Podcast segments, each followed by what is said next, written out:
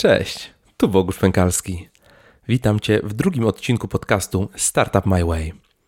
Dziś moim gościem jest Ludwik Siadlak, absolwent Oxfordu, który szkoli amerykańskich Marines, a w wolnym czasie nagrywa codzienny vlog Trenerskie Życie w Obrazkach, gdzie mówi o skutecznej komunikacji, poprawianiu swoich umiejętności interpersonalnych i praktycznych scenariuszach przejmowania władzy nad światem. Z Ludwikiem rozmawiamy o jego drodze od jednej darmowej prezentacji na uczelni do stania się wysoko opłacanym międzynarodowym trenerem, o rytuałach, o jodze, o książkach, o psychoterapii oraz o tym, jak stosując kilka prostych zasad od dziś poprawić jakość swojego życia. Linki do rzeczy, o których wspominamy, znajdziesz w notatkach do tego odcinka pod adresem startupmyway.com ukośnik 2, tak jak drugi odcinek podcastu. Cześć Ludwik. Cześć Bogusz. Dzięki Dzięki za, za przyjęcie zaproszenia do podcastu. Cała przyjemność po mojej stronie. Zacznijmy może od tego. Powiedz kilka słów o sobie, kim jesteś, e, czym się, czym się zajmujesz. Ja zajmuję się kilkoma rzeczami, natomiast przede wszystkim prowadzeniem szkoleń. Ja, mój biznes, który prowadzę, ma tak naprawdę dwa filary. Jeden filar to, jest, to są szkolenia techniczne, które prowadzę w całej Europie. Natomiast e, drugim filarem są szkolenia miękkie, czyli takie, które pozwalają nam na zdobywanie większej pewności siebie, większych umiejętności w zakresie sprzedawania siebie na rynku, budowania własnego wizerunku, budowania własnego e, biznesu. Także to są takie dwie rzeczy, którymi się zajmuję, więc przez cały dzień jestem trenerem i dlatego też prowadzę vlog Trenerskie Życie w Obrazkach, na którym mówię właśnie o tego typu sprawach. Fajnie, dzięki. E, chciałbym zacząć takim mocnym akcentem. E, jedną mhm. z, z o, nóg jakby twojej, twojej działalności internetowej jest e, Life Hacking Podcast, który, który mhm. słucham i, i, i, bardzo cenię. I chciałbym, żebyś zdradził mhm. takie trzy najlepsze lifehacki, jakie mm, nasz, nasi, nasi słuchacze mogliby wykorzystać w swoim życiu. Po prostu takie the best of the best. Myślę, że the best of the best trudno jest wybrać tak bardzo ogólnie, z tego względu, że każdemu z nas inne rzeczy pasują i każdy z nas na różnych etapach życia różnych rzeczy potrzebuje. Natomiast wydaje mi się, że takimi głównymi rzeczami, które są dosyć uniwersalne, to jest przede wszystkim dobry start ja kiedyś dawno, dawno, dawno temu, to znaczy z jakieś 10 lat już pewnie teraz na swoim e, blogu napisałem taki artykuł o tym, oprócz tego, że warto wstawać wcześniej i tak dalej, co, co jest też jakby naturalne, natomiast o tym, że warto fajnie wystartować. To znaczy, jeżeli chcesz przejść na przykład na jakąś dobrą dietę i chcesz dobrze się odżywiać, to jeżeli wystartujesz z bardzo dobrym śniadaniem, to znaczy odżywczym, to znaczy pełnym witamin, to znaczy pełnym jakichś wiesz, soków, minerałów i tak dalej, a nie będzie to wczorajsza odgrzewana pizza, to jak będziesz miał już ten dobry start, to każda kolejna rzecz, którą będziesz robił w ciągu dnia, jakby nie, trudniej będzie się przekonać, że a, dobra, to już tam trudno, najwyżej dzisiaj stracę, dlatego że już zacząłeś, już zrobiłeś pierwszy krok. Ja to też nazywam taką zasadą, że jutro nie nadchodzi nigdy, czyli że ten pierwszy, na ten pierwszy krok nie ma co czekać.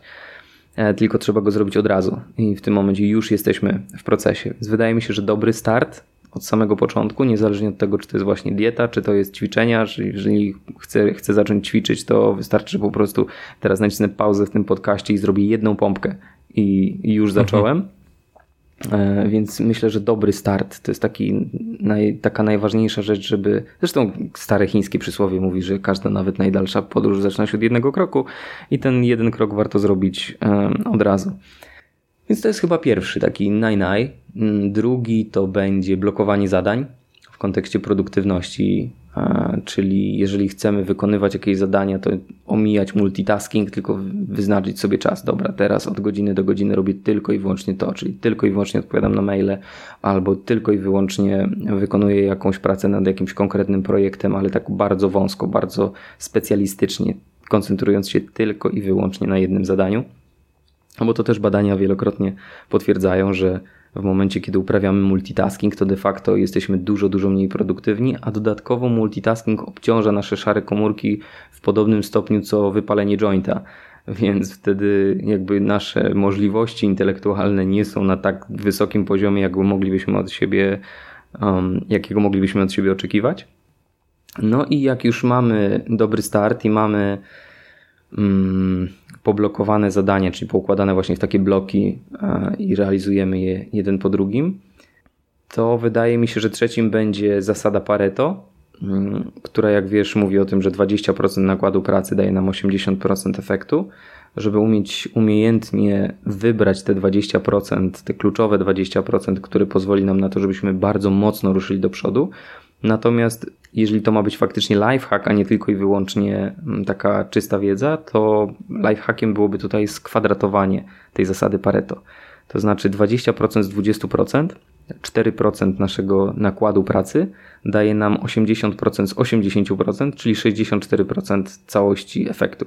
To oznacza, że jeżeli tak naprawdę, to jest, pomyśl sobie o sprzątaniu pokoju, mhm. jeżeli, czy mieszkania, jeżeli masz totalny bajzel i wystarczy, że tak, powrzucasz rzeczy wszystkie, które masz do zmywania, do, e, do zmywarki i jednocześnie zamieciesz podłogę ze wszystkich śmieci, które tam leżą, i poukładasz książki, to tak naprawdę zajmie ci to, to jest 5%, 4% wszystkiego, co trzeba zrobić, żeby to mieszkanie było faktycznie posprzątane, ale to mieszkanie jest naprawdę solidnie ogarnięte już na tym etapie, więc już masz 64% efektu, a reszta, te 96% rzeczy, które trzeba zrobić, to jest wyszlifowanie tego, żeby naprawdę solidnie, bardzo solidnie posprzątać. No tak. To, I to znajduje zastosowanie w dosłownie każdym E, każdym niekrytycznym obszarze naszego życia. Poprzez krytyczny obszar naszego życia rozumiem na przykład, nie wiem, jeżeli jesteś chirurgiem czy neurochirurgiem i masz komuś pogrzebać w głowie, to raczej nie, nie sugeruję stosowania zasady ani zasady Pareto, ani tym bardziej kwadratu zasady Pareto, że tam przetnę jeden kabelek i będę liczył na to, że będzie ok.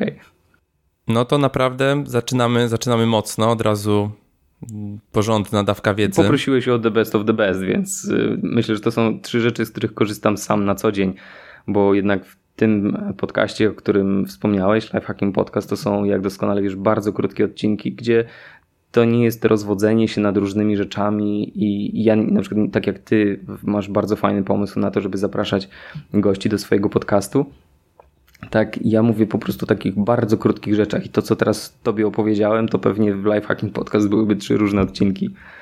No tak, możesz je nawet wykorzystać, o ile jeszcze nie nagrałeś.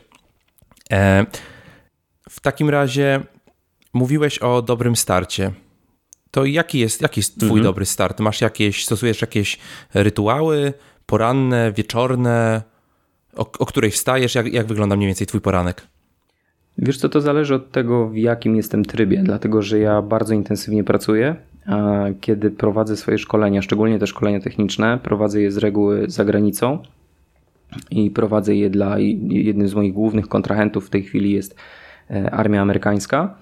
I tam te szkolenia zaczynam z moimi e, klientami bardzo, bardzo wcześnie. I tak naprawdę muszę być już wiesz, up and running, że tak powiem, o godzinie 5-10, żeby zdążyć wszystko ogarnąć rano.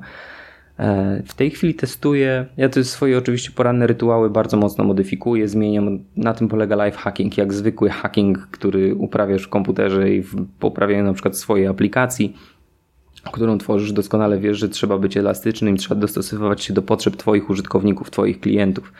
I ja wierzę, że ja jestem sam swoim klientem w takim aspekcie tutaj i dlatego sam również muszę być wobec siebie elastyczny i muszę to zmieniać. Czy chcę to zmieniać tak naprawdę. Więc y, moje poranne rytuały w tej chwili sprowadzają się przede wszystkim do jogi oraz do jogi i medytacji. To jest dla mnie taki jeden spójny element. Natomiast stuję taką e, książkę Ryana Holiday'a, która nazywa się Daily Stoic Journal, gdzie Ryan Holiday, autor właśnie książki The Daily Stoic, proponuję takie, taką myśl o poranku, którą możesz sobie przemyśleć, zapisać tam, co myślisz na ten konkretny temat, na ten konkretny case, który on tam rozważa. Na przykład o tym, jak podejmujesz decyzje, w jaki sposób temperamentnie czasem reagujesz na różne bodźce, które cię dotykają z zewnątrz. I jednocześnie masz drugą szansę, jakby, żeby ten sam koncept jeszcze raz sobie przetworzyć, jeszcze raz sobie go przemyśleć i jeszcze raz go zapisać wieczorem. Czyli dwa razy podchodzisz do tego samego tematu, dzięki czemu możesz jeszcze lepiej go wobec siebie poukładać. Więc to są chyba te dwie rzeczy przede wszystkim, czyli Daily Stoic Journal, ale najważniejsze jest yoga i medytacja. A później, tak jak powiedziałem, to zależy od tego, w jakim trybie jestem. Jeżeli jestem na przykład w, w hotelu, no to szybkie śniadanie i od razu do pracy. Jeżeli jestem w domu, no to w tym momencie bardzo ważnym rytuałem dla mnie tak naprawdę jest spędzenie czasu z moją żoną, czyli przygotowanie jakiegoś śniadania, e, zaparzenie świeżej, dobrej, mocnej kawy i spędzenie tego dnia w takim większym spokoju i wystartowanie właśnie bardzo spokojnie zamiast takiego trybu pracowego i, i ciśnięcia i ostrego działania do, do przodu. Pozdrawiamy żonę od razu. Dziękuję, przekażę. Powiedz mi, mówiłeś e, o ćwiczeniu jogi. E, co ci mhm. daje yoga? Czy to jest tylko mm, kwestia powiedzmy rozciągnięcia ciała, czy, czy tu jest, wchodzisz na powiedzmy jakiś wyższy, wyższy poziom, e, czy stosujesz to jako formę medytacji i jak to u Ciebie wygląda? Wiesz co, ja zacząłem ćwiczyć jogę kilka lat temu. Mm, przez kilka lat temu, rozumiem, jakiś rok, pewnie 2000. Trudno mi w tej chwili wrócić. Myślę, że około 2010. Tak będzie bezpiecznie. Czyli no już to będzie 8 lat w takim razie. I kiedy chodziłem na swoje pierwsze zajęcia jogi, kiedy w ogóle nigdy wcześniej z jogą nie miałem nic do czynienia, to było na warszawskich kabatach, to zauważyłem, jestem bardzo taki competitive, czyli bardzo e, mocno rywalizuję. Rywalizuję z innymi, rywalizuję przede wszystkim z samym sobą. I w momencie, kiedy uprawiałem jakikolwiek sport, to zawsze było dla mnie bardzo, bardzo ważne to, żeby właśnie być lepszym, żeby jeszcze się poprawić, żeby tutaj, żeby wypaść dobrze i w ogóle w porównaniu z innymi. Natomiast w momencie, kiedy po raz pierwszy poszedłem na zajęcia jogi, to okazało się, że nie tylko wcale nie mam takich umiejętności, no byłem totalnie zielony, tak jak mówię, nigdy wcześniej w życiu ani jednej asany nie próbowałem przed tymi zajęciami, więc poszedłem tam, miałem, wystartowałem z bardzo niskiego pułapu E, kwalifikacji, umiejętności właśnie. I okazało się, że nie tylko nie muszę się z nikim ścigać, co więcej, yoga czy społeczność ludzi, którzy uprawiają jogę, nie ma w sobie w ogóle ani grama tego, mm, tej konkurencyjności i tej rywalizacji, bo każdy robi mm, czy uprawia tą jogę, wykonuje te asany w najlepszy sposób, w jaki potrafi, Nikt nikogo nie ocenia. Jeżeli w dowolnym momencie okazuje się, że jakaś asana jest dla ciebie za trudna, albo po prostu nie chcesz jej robić z różnych względów, bo nie wiem, jesteś w ciąży, albo czujesz, że kolana mm, mogą twoje później cierpieć za bardzo i tak dalej, to możesz sobie po prostu przejść do pozycji dziecka, odpocząć, odpuścić i nikt, absolutnie nikt nie będzie ci tylko wytykał tego, że o tutaj nie dałeś rady czy coś takiego. Co więcej, to jest jakby traktowane z takim bardzo dużym szacunkiem, że okej, okay, znasz swoje ciało, znasz siebie na tyle, że potrafisz powiedzieć sobie to jest mój limit i ten limit jest bardzo mocno szanowany zarówno przez joginów, którzy prowadzą takie zajęcia, jak i przez e, osoby współćwiczące z tobą w tym momencie na tej jednej sali. I dla mnie yoga jest właśnie takim elementem odskakiwania od tej codziennej rywalizacji. Bo tak jak powiedziałem, ja rywalizuję przede wszystkim sam ze sobą. Ja codziennie staram się poprawić, codziennie chcę iść spać ze świadomością, że dzisiaj zrobiłem coś na rzecz swojego własnego rozwoju, żebym ja był lepszym człowiekiem, żebym był lepszym mężem, żebym był lepszym synem i jednocześnie, żebym miał większe kwalifikacje, żebym kolejne szkolenie, które będę miał prowadzić dla moich klientów, było jeszcze efektywniejsze, skuteczniejsze e, i bardziej atrakcyjne dla tego klienta. Także yoga jest taką totalną odskocznią i przeciwwagą do tego mojego życia zawodowego, które uprawiam na co dzień.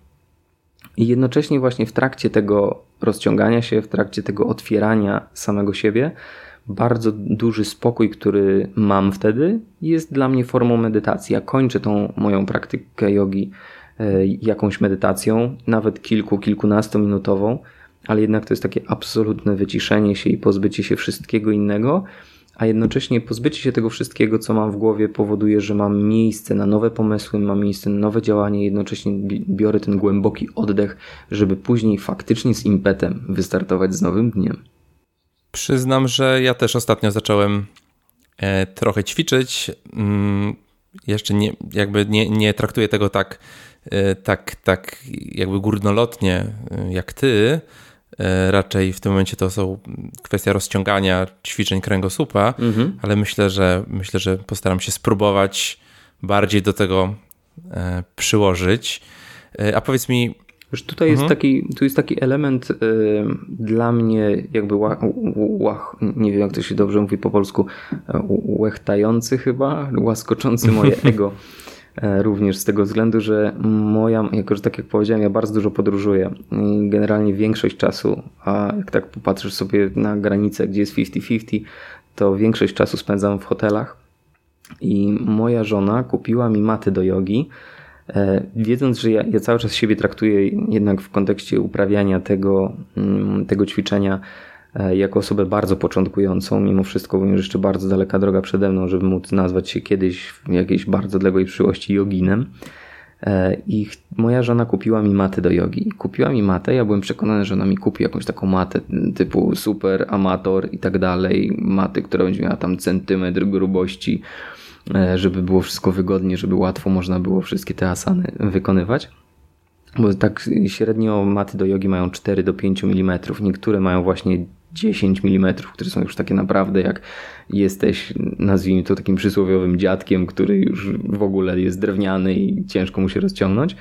Natomiast moja Ania stwierdziła, że patrząc jakby zupełnie z innej perspektywy niż ja, powiedziała do mnie, kochanie, e, ty uprawiasz tą jogę tak regularnie i cały czas, że ja uważam, że ty, ty, już jesteś na takim etapie, że proszę bardzo, to jest mata dla ciebie i ta mata ma jeden milimetr więc to jest mata, która jest tak już totalnie dla profesjonalistów. Co więcej, to jest mata, którą ja wożę ze sobą wszędzie. Ja ją wrzucam do swojej walizki, do bagażu podręcznego. Do kieszeni spodni. W jakimkolwiek hotelu bym...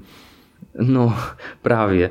Natomiast e, w jakimkolwiek hotelu bym nie wylądował, to zawsze tą matę mam ze sobą i zawsze mogę ćwiczyć. I ćwiczę tak naprawdę codziennie, nieprzerwanie od już dłuższego czasu. Rozumiem, że polecasz każdemu spróbowanie. Zdecydowanie. Zdecydowanie przede wszystkim mm, na zajęciach, nie samodzielnie w domu. Ja ćwiczę w domu sam no, z tego względu, że też no, mój tryb życia nie pozwala mi na to, żebym w jakiś cykliczny sposób uczestniczył w jakiejkolwiek szkole jogi na przykład. Jest e, świetna aplikacja, która w mm, sklepie Play i tak samo jak w App Store ma oceny chyba bardzo mocno zbliżone do 5.0. E, nazywa się Down Dog App która mm, tak naprawdę jest bardzo prostą aplikacją, dlatego że tam wybierasz sobie czas trwania swojego ćwiczenia, wybierasz sobie e, swój poziom, czy jesteś początkujący, czy jesteś średnio zaawansowany, czy jesteś zaawansowany i e, klikasz play. I w tym momencie, w zależności, czy tam jest jeszcze, chyba jeszcze jakaś płatna wersja, gdzie możesz sobie zaznaczyć, że chcesz, żeby rozciągać dolną część kręgosłupa albo tylko e, swoje biodra, żeby je bardziej otworzyć i tak dalej. Natomiast to są tylko i wyłącznie zdjęcia. Dziewczyna, która prowadzi, która jest szefową tej, czy twórcą tej aplikacji, ona opowiada, w jaki sposób tą asanę wykonać. Zawsze widzisz tą asanę, widzisz też angielską nazwę, czy też zapisaną w hindu e, tą, tą konkretną asanę, którą masz wykonać, i ona cię prowadzi cały czas przez to, w jaki sposób tą praktykę swoją przeprowadzić. I to jest bardzo fajna aplikacja, natomiast szkoła jogi i ktoś, kto poprowadzi, kto zacznie otwierać właśnie głowę na to, co w tej mm, jodze, co dzięki tej jodze można osiągnąć, to jest fantastyczny, mm, to jest fantastyczny plus tego, czego nie ma właśnie w takim ćwiczeniu e, tylko i wyłącznie przed lustrem. Dzięki za podzielenie się z nami tym e, w tym temacie. E, proszę Ciebie, chciałbym się teraz cofnąć do Twojego dzieciństwa, tak? Chciałem się dowiedzieć, jak mhm. mniej więcej wyglądała Twoja droga, gdzie się urodziłeś, e, jak wyglądało Twoje dzieciństwo i jak, jak jakby doszedłeś do tego momentu, kiedy, kiedy stwierdziłeś, że będę, będę szkolił, tak? Wiesz co, moja droga jest bardzo taka typowa, to znaczy, mm, znaczy typowa, tak jak możesz sobie poczytać czasem w różnego rodzaju pismach i tak dalej, że moja praca przyszła do mnie, ja, ja się o nią nie starałem. To znaczy tak, ja pochodzę z mm, bardzo małej miejscowości, która leży na polanie, więc nie możesz do niej wjechać czy wyjechać, nie przejeżdżając przez gęsty las. E, mój dom rodzinny zawsze był taką ostoją spokoju, to znaczy moi rodzice, mm, będąc artystami i spędzając całe życie na scenie, zadbali o to, żeby nasz dom był taką, tak jak mówię, właśnie oazą spokoju, czyli my nigdy praktycznie, czy bardzo rzadko miewaliśmy jakichkolwiek gości, Moja rodzina jest bardzo zżyta ze sobą, taka bardzo kameralna i jednocześnie pełna ciepła, bo my tak naprawdę, mimo tego, że moja siostra, która jest ode mnie 6 lat młodsza, mieszka w Krakowie, ja mieszkam w Warszawie, tak oficjalnie. E, moi rodzice cały czas mieszkają właśnie w moim domu rodzinnym pod Częstochową. To my jesteśmy w stałym, codziennym kontakcie ze sobą, więc jest to też dosyć niespotykane, myślę, w takich typowych, tradycyjnych rodzinach, które mamy dzisiaj e, w Europie, według takiego naszego modelu. Natomiast moi rodzice zaprosili mnie na tą scenę, to znaczy ja skończyłem szkołę muzyczną w klasie klarnetu i w klasie fortepianu.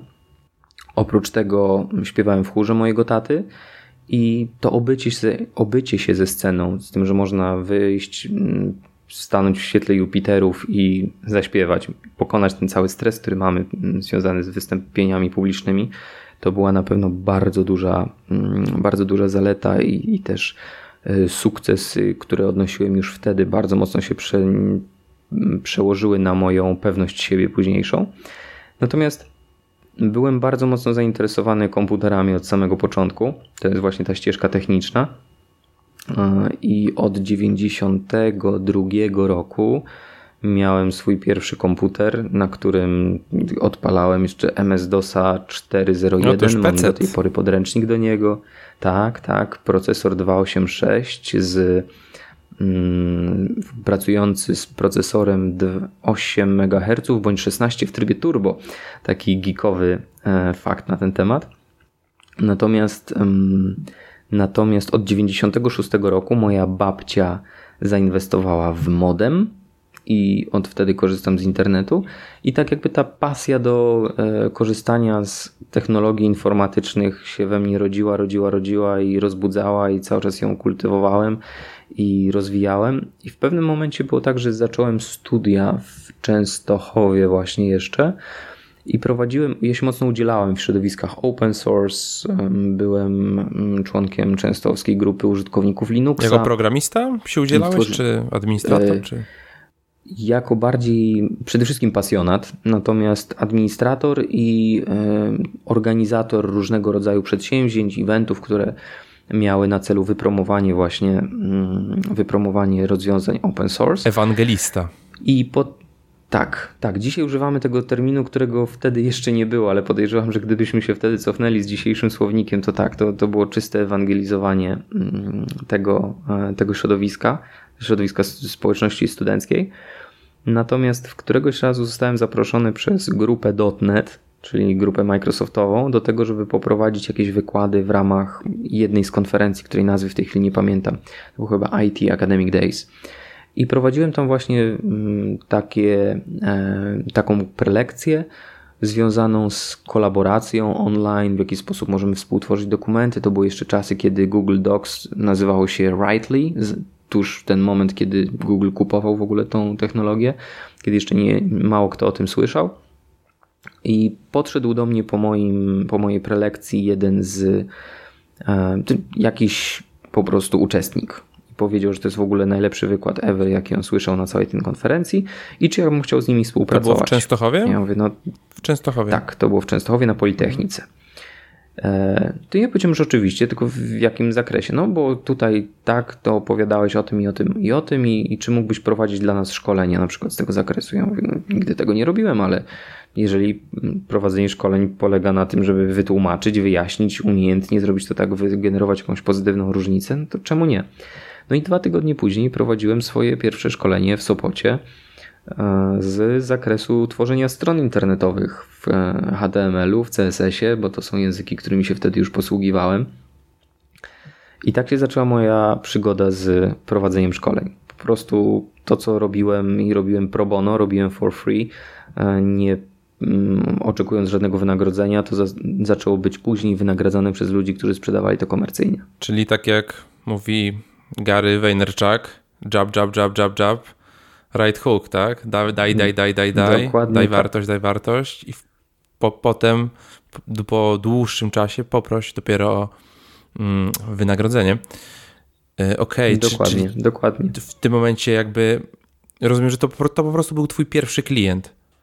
Tak, tak, dokładnie. I to było duże centrum szkoleniowe, które później zaczęło pytać mnie o kolejne rozwiązania, o kolejne szkolenia. Mm, ja w tym momencie podjąłem decyzję o tym, żeby sprzedać swoją duszę diabłu, to znaczy będąc Linuxowcem, open source'owcem z krwi i kości, zacząłem e, bardzo mocno studiować, poznawać e, i rozwijać swoje umiejętności Microsoftowe. No i zacząłem prowadzić szkolenia również z tego zakresu, najpierw dotyczące właśnie systemów operacyjnych, później baz danych, później bezpieczeństwa i wpadłem bardzo, bardzo głęboko w to środowisko Microsoftowe. Do tego stopnia, że zostałem trenerem, zdałem prawie chyba wszystkie możliwe certyfikaty, jakie w ogóle Microsoft ma w swojej ofercie, żeby bardzo, bardzo dogłębnie poznać tę technologię, zanim będę mógł prowadzić e, merytorycznie mm, kompetentne szkolenia. No widzisz, to jakbyś był w Warszawie, to może byśmy się spotkali, bo ja też prowadziłem grupę .NET, nawet założyłem grupę .NET na jednej z warszawskich uczelni. E, brawo. Tak, brawo. ale nie wiem, nie, nie mam takich historii wspaniałych jak, jak z Częstochowy. Hmm. Powiedz mi w takim razie, a ile miałeś w ogóle wtedy lat? Miałem wtedy lat 19. Miałem wtedy Czyli lat 19. Początek studiów. Ja tak? Tak, to był sam początek studiów, e, studiów, których nie skończyłem i które rzuciłem mm, zaraz po tym, z tego względu, że ja, jak doskonale wiesz, bardzo dużo czytam i wchodziłem na zajęcia, studiowałem zarządzanie i wchodziłem na zajęcia na tejże uczelni i tam pamiętam do, do dziś, jestem bardzo wdzięczny e, profesorowi, doktorowi habilitowanemu i tam wszystkie możliwe literki przed nazwiskiem, e, jakie można posiadać, ten gość posiadał to były zajęcia z marketingu i wchodziłem na te zajęcia i tenże wykładowca uczył nas rzeczy, które były totalnie nieadekwatne do realiów rynkowych. To znaczy, ja jako dziewiętnastolatek wiedziałem o tym, że nie ma fizycznie możliwości, żeby zrealizować plan, który, o którym mówi, którego naucza, który sugeruje i promuje ten życzony wykładowca, że jeżeli na przykład chcesz prowadzić, tam był taki koncept, że jeżeli chcesz prowadzić restaurację i ta restauracja ma mieć najwyższą jakość obsługi i ma być e, bardzo dobrze wypromowana na rynku, to trzeba wiedzieć jak najwięcej na temat mm, preferencji swoich klientów, tego w jaki sposób ci klienci się czują w naszej restauracji, w jaki sposób oni mają w tej restauracji e, przeżywać ten swój czas. W związku z tym, według słów mojego wykładowcy, po spożytym posiłku należy takiego klienta dosłownie przykuć do krzesła i wręczyć mu ankietę, na której, jest, na której są 54 pytania, e, jedno i wielokrotnego wyboru i ten zażądać od tego klienta, aby wypełnił nam to, tą 54-pytaniową ankietę, żebyśmy my jako właściciele wiedzieli, jak dobrze funkcjonuje nasza restauracja no, patrząc na to, jak bardzo skraca się nasza uwaga dzisiaj, czyli to attention span, które no, widzisz, jak wygląda nasze, kons nasza konsumpcja newsów dzisiaj, prawda? Skrolujemy kciukiem tak. po telefonie, e, przejrzymy nagłówek, dobra, jak jest coś nieinteresujące, jedziemy dalej, idziemy dalej, idziemy dalej. Nawet jak jest coś interesujące, to często to dodajemy po prostu, dobra, przeczytam za chwilę, a teraz skroluję dalej. I takim trybie działając i czując, że to właśnie w tym kierunku zmierza, koncept tego, żebym ja kazał moim klientom wypełnić 54 pytania, wy poprosić kogoś o wypełnienie trzech, to już jest dużo. A co dopiero 54? Ja wiedziałem, że to nie ma sensu, więc ten gość po prostu mm, fizycznie nie aktualizował swojej wiedzy od jakiegoś 75 pewnie, kiedy robił swoją habilitację i stwierdziłem, że to nie ma sensu. I wtedy rzuciłem te studia. Powiedziałem sobie po prostu, że mm, jestem w stanie z książek dowiedzieć się więcej, ale jako, że bardzo intensywnie już wtedy mm, studiowałem te tematy informatyczne, no to pozbierałem sobie jeszcze trochę e, środków i zmieniłem uczelnię. Dostałem się wtedy na Oxford, za który sam zapłaciłem więc to jest jedno z moich największych osiągnięć w ogóle. Jakie są ever, opłaty mężczyzny. na Oksfordzie? To... Nie mogę ci tego powiedzieć z tego względu, że jednym właśnie z takich moich elementów, z których jestem bardzo dumny, to jest to, że moi rodzice do tej pory nie wiedzą, ile zapłaciłem za swoje studia. Więc wiedząc, że moi rodzice bardzo aktywnie śledzą moje Czekają na tą informację, wiesz, ja będę, że gdzieś wypłynie. Tak, ja będę promował twój podcast oczywiście w swoich kanałach social mediowych, więc oni nie mogą do tego dotrzeć i absolutnie nie chcę tutaj e, zblamować całej, całego tego pomysłu i projektu, który utrzymuje w tajemnicy od już przeszło 10 lat. Dobrze, dobrze, oczywiście. Pewnie jak ktoś chce, to może znaleźć na jakichś forach, ile mniej więcej coś takiego. Ale coś, oczywiście. Jak, jak to może wyglądać? Zakładam, zakładam, że po prostu to nie, nie były małe pieniądze i dużym osiągnięciem dla ciebie w wieku 21 lat, tak? Jeżeli dobrze pamiętam. Tak. E, tak. Okej, okay, powiedz mi, um, obecnie e, zajmujesz się między innymi szkoleniem amerykańskiej armii, co jest dosyć no, niesamowitą rzeczą dla mnie, że e, człowiek, młody człowiek z Polski jedzie za granicę szkolić, e, nie wiem, czy Marines, czy piechotę morską, czy, czy gości, gości w mundurach.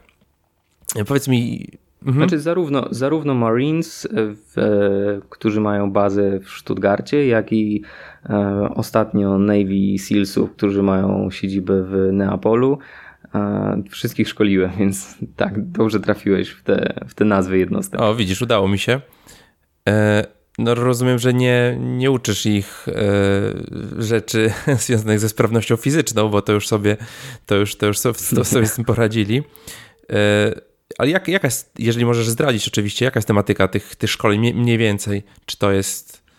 To znaczy, to są szkolenia, to co mogę powiedzieć, to jest to, że to są szkolenia techniczne i to są szkolenia głównie dotyczące cyberbezpieczeństwa. A więc moja umowa z armią amerykańską stacjonującą w Europie i armią amerykańską stacjonującą w Afryce, bo są takie dwa jakby działy mm, Departamentu Obrony Stanów Zjednoczonych, czyli US Army Europe e, oraz US Army Africa. Tutaj jest taki system właśnie tego, że mm, ludzie, którzy są na wyższych stanowiskach, na, mm, piastują wyższe rangi oficerskie niejednokrotnie, oni po prostu muszą być świadomi tego, w jaki sposób to wszystko działa i niejednokrotnie zarządzają przedużymi systemami i, i z tego ich szkole. Natomiast tak jak Mm, tak jak Ci powiedziałem wcześniej, niestety moje umowy z nimi nie pozwalają mi na to, żebym opowiadał o szczegółach tych szkoleń, czego dokładnie, jakich technologii się uczymy i tak dalej. Dobrze, że chociaż możesz w ogóle powiedzieć, że co robisz, a nie classified, classified. Tak, wiesz, tylko tak jak do, dobrze wiesz zresztą z naszego masterminda, ja jestem bardzo często odcięty od świata, czyli na przykład taka praca wiąże się z tym, że niejednokrotnie to rzeczywiście są wszystkie zmienne dotyczące jednostek, w których się znajduje.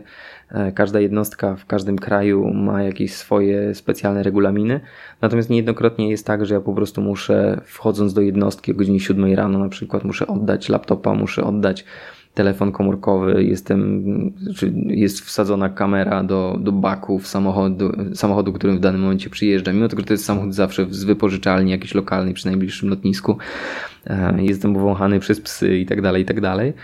I wychodzę z takiej jednostki na przykład o godzinie 18 i przez ten cały dzień jestem totalnie odcięty od świata.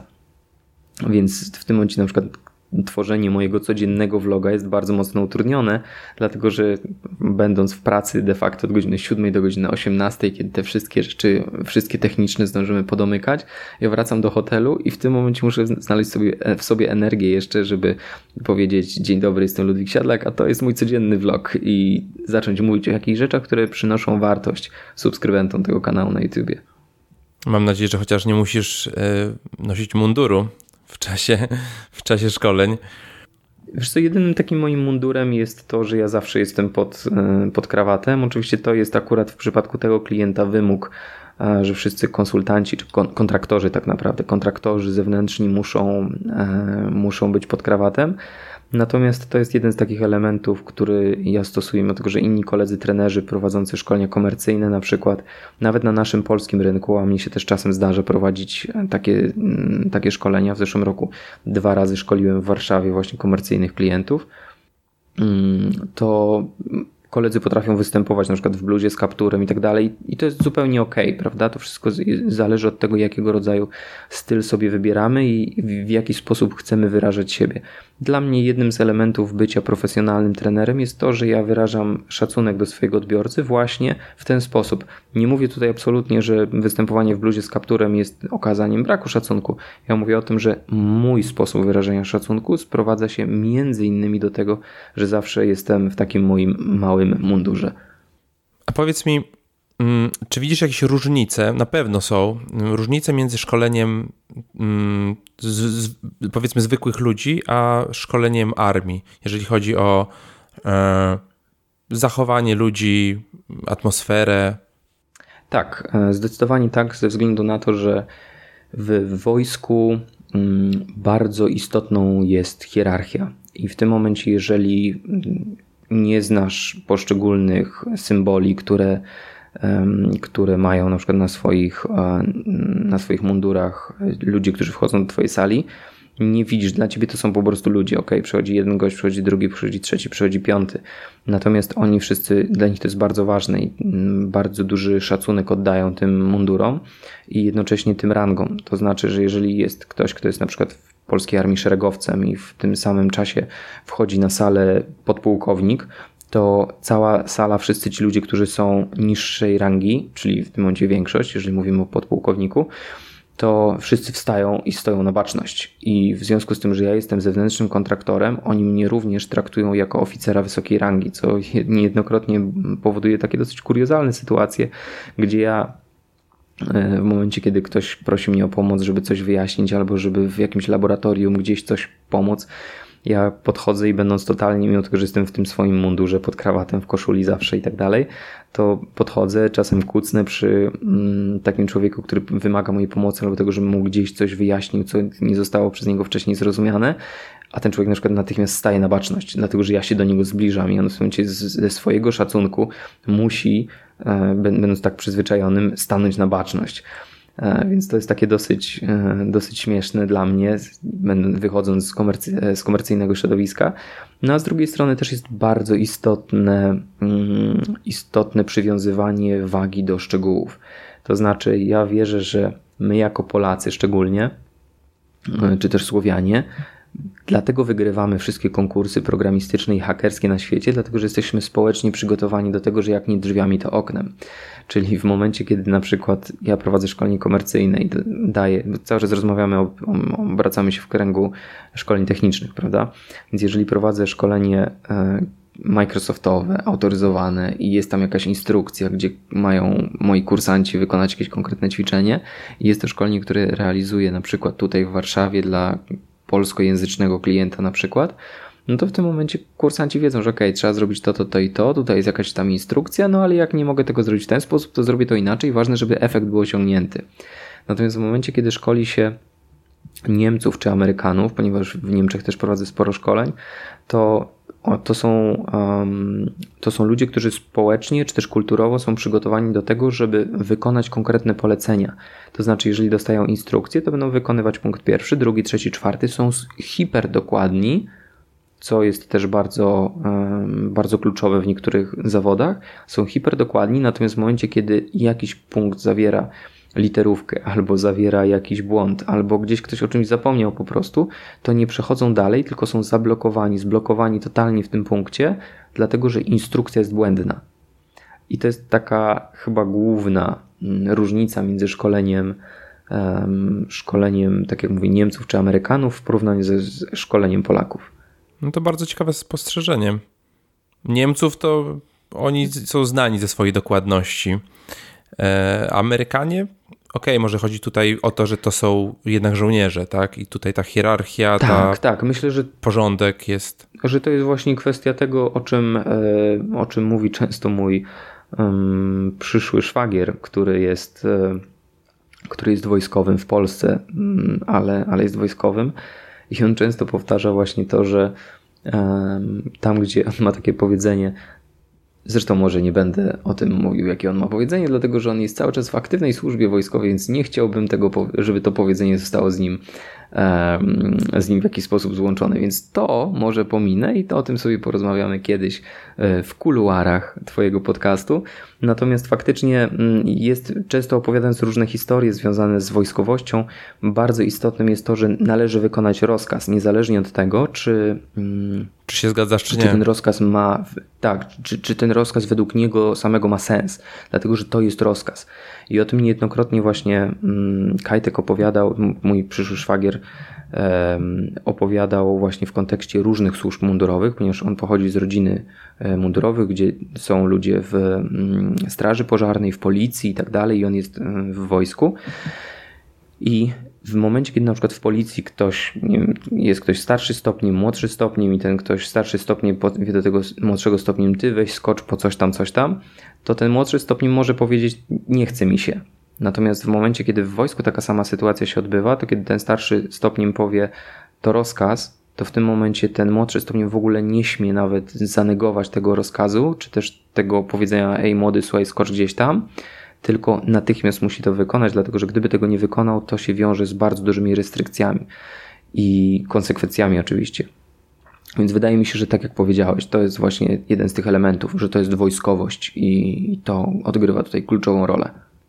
Drugą jakby częścią Twojej działalności szkoleniowej są szkolenia miękkie, czyli tak zwany, tak zwany e, coaching, chociaż to, to słowo ostatnio e, ma średnie, bardziej mhm, pejoratywne zabarwienie.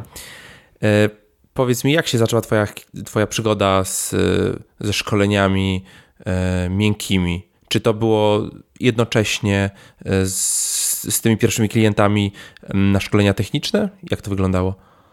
Tak, dlatego że w momencie, kiedy ja zacząłem prowadzić te swoje szkolenia techniczne, dosłownie chyba na drugim albo na trzecim szkoleniu, które prowadziłem, jeden z moich kursantów zapytał mnie, czy ja jego mógłbym nauczyć tego, w jaki sposób prowadzić szkolenia dlatego że jemu się to bardzo, tak bardzo podobało i był tak zachwycony nie tylko z treści szkolenia, ale też z tego, w jaki sposób ta treść została zaprezentowana, że on chciałby się tego nauczyć. I dokładnie w ten sposób wyglądało moje pierwsze szkolenie z.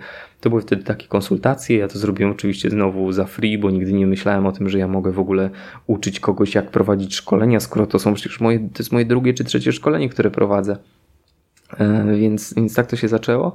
I z coachingiem zaczęło się dokładnie tak samo, dlatego że jeżeli dostawałem feedback, jak chyba często u, u takich trenerów miękkich się to mm, rozwija, że jeżeli dostaje się feedback, że stary robisz to dobrze, to znaczy rozmawiasz z jednym, drugim, trzecim znajomym, z przyjacielem, z przyjaciółką, którzy mają, dzwonią do ciebie, mają problem. E, niestety właśnie tak jak powiedziałaś wcześniej, że coaching ma coraz gorsze zabarwienie, szczególnie na naszym rynku, dlatego że ludziom się wydaje, że okej, okay, dobra, ja umiem słuchać i moi znajomi mówią, że dobrze się ze mną gada, to ja już jestem coachem. No to jest troszkę za, za mało. Trzeba jeszcze nabrać całej gamy, całego wachlarza różnych umiejętności, poznać bardzo wiele narzędzi, które pozwalają na to, żeby rozwijać innych. I ta ta umiejętność rozmawiania, ta umiejętność słuchania i jednocześnie szybkiego rozwiązywania problemów, sugerowania różnego rodzaju rozwiązań, to jest tylko i wyłącznie baza do tego, żeby zweryfikować to, czy nadajemy się do uprawienia takiego zawodu. No a niektórym właśnie dzisiaj niestety odbiło, odbiła palma, myśląc, że ok, coaching to jest właśnie tylko i wyłącznie doradzanie innym, bo ja dobrze doradzam moim znajomym, więc jestem coachem i można dzisiaj być coachem, jak się okazuje, od wszystkiego, e, łącznie z tym, że są coache od skóry, e, są coache od e, spania i w ogóle no tak jak powiedziałeś, pejoratywne znaczenie, a ja nie chcę rozmawiać o tym, pejoratywnym znaczeniu z tego względu, że od razu się po pierwsze uruchamiam i denerwuję się na to. Coach od, coach od spania to z couchsurfingu. tak, no tak, tak też można byłoby być, bo, ale zresztą też są coache od y, pisania ogłoszeń na Airbnb, to już nie są coache od copywritingu, tylko coache od couchsurfingu, tak jak powiedziałeś. E, więc, więc ten rynek został dosyć mocno, mm, mocno zepsuty. Zresztą tak samo jak rynek rozwoju osobistego. Dzisiaj wiesz, jest, są nawet świetne fanpage na, na Facebooku, które nazywają się, nazywają się na przykład Smutni Trenerzy Rozwoju Osobistego gdzie, gdzie wyśmiewa, wyśmiewa się z tych ludzi, którzy właśnie mówią, że jesteś zwycięzcą, padłeś, powstań, jesteś zwycięzcą, wszystko możesz i tak dalej. No nie możemy wszystkiego, jeżeli nie nabierzemy właśnie tych konkretnych kompetencji, konkretnych umiejętności, które pozwolą nam na realizowanie swoich celów, które wcześniej musimy umieć sobie konkretnie e, i realnie wyznaczyć. Da się robić coaching dla sali, e, gdzie jest 500 osób na przykład? Wydaje mi się, że e, to jest właśnie jeden z tych elementów związanych z mylnością nazwy, dlatego że dla mnie coaching, oczywiście z wyłączeniem jakichś takich coachingów grupowych, to znaczy w bardzo kameralnej, kilkuosobowej grupie, coaching to jest praca jeden na jeden. To, co widzimy często właśnie, w, na przykład to, co robi Tony Robbins, e, to, co robił Jim Rohn, to, co robił Zig Ziglar, to były wykłady motywacyjne, bo motywacja to jest fantastyczna rzecz, która jest po prostu iskrą do tego, żebyśmy mogli po prostu zapalili się, tak jak czasem mamy po prostu taki nastrój, że chcemy faktycznie przejąć władzę nad światem, wierzymy w siebie, wiemy, że wszystko można i to jest fantastyczne. I należy umieć się wprowadzać w tego rodzaju, mm, w tego rodzaju nastrój, w tego rodzaju stan emocjonalny, tylko, że trzeba też pamiętać o tym, tak jak Zig Ziglar powiedział w swoim doskonałym programie See You at the Top, czyli do zobaczenia na szczycie. E, powiedział, że kiedyś był zapytany właśnie przez jakiegoś mm, dziennikarza, że dzień dobry, e, panie Ziglar, tutaj został pan zaproszony po to, żeby zmotywować tą, mm, tą grupę pracowników, czy to się zgadza, tak? Oczywiście, no po to właśnie mi tutaj zarząd wezwał. No dobrze, czyli co, pan ich zmotywuje i tak dalej i oni będą cali chodzili, chodzili tacy zmotywowani? No to oczywiście, no jeżeli by tak nie było, to, to pewnie ten zarząd już więcej by mnie nie zapraszał. No ale to co w takim razie, czy e, jak oni już raz pan ich zmotywuje, zmotywuje to oni zawsze będą zmotywowani? I Zig Ziglar powiedział, widzi pan, to jest bardzo proste przełożenie. Jak się pan raz umyje, to już zawsze będzie pan umyty? Więc to jest bardzo podobna zasada. Więc dla mnie motywacja, inspirowanie się przeróżnymi rzeczami z książek, z podcastów, z blogów, z rozmów z innymi ludźmi przede wszystkim. To są rzeczy, które są punktami zapalnymi, które mogą nas rozwinąć, które mogą się gdzieś tam odłożyć. Im częściej to robimy, im bardziej się otaczamy tego rodzaju pozytywnymi treściami, tym lepiej, tym fantastyczniej, tym łatwiej nam jest się samemu wyrzucić na takie tory. Natomiast to jest tylko i wyłącznie punkt zapalny. Później od nas, od naszej ciężkiej niejednokrotnie pracy zależy to, żeby faktycznie umieć coś z tym zrobić i przekuć tą motywację w realny rezultat, który zbliży nas do naszego celu, który musi być konkretnie wyznaczony, tak jak powiedziałem wcześniej. Powiedz mi, jak wyglądałaby taka przykładowa sesja coachingowa jeden na jeden z tobą? Mniej, mniej więcej dla, dla kogoś, kto. Ja na przykład nigdy na takiej sesji nie byłem. E, I jestem, jestem ciekaw, jak, jak, jak to wygląda. Czy po prostu przechodzimy przez moje, jakieś problemy, czy, czy biznesowe, czy, czy inne i próbujemy je rozwiązać? Jak, jak to mniej więcej przebiega? Przede wszystkim to jest e, rozmowa związana z tym, dokąd chcesz dojść i zmapowanie tego, w jaki sposób ja jako Twój coach jako być może mentor, w zależności od tego, na jakim poziomie w danym momencie rozmawiamy, e, mogę Ci w tym pomóc. Dlatego, że to, co jest jakby kolejnym aspektem tego pejoratywnego wydźwięku słowa coaching, który jest dzisiaj na rynku, to jest to, że ludzie, e, którzy nazywają siebie coachami, myślą, że ok, ja nauczyłem się coachingu, bo albo fajnie mi się rozmawia, czy moi znajomi mówią mi, że fajnie się ze mną rozmawia, albo przeczytałem jedną książkę na temat coachingu i już mogę wszystkich coachować. To jest troszeczkę tak jak z e, psychoterapią. Trzeba znaleźć psychoterapeutę, który nam będzie odpowiadał.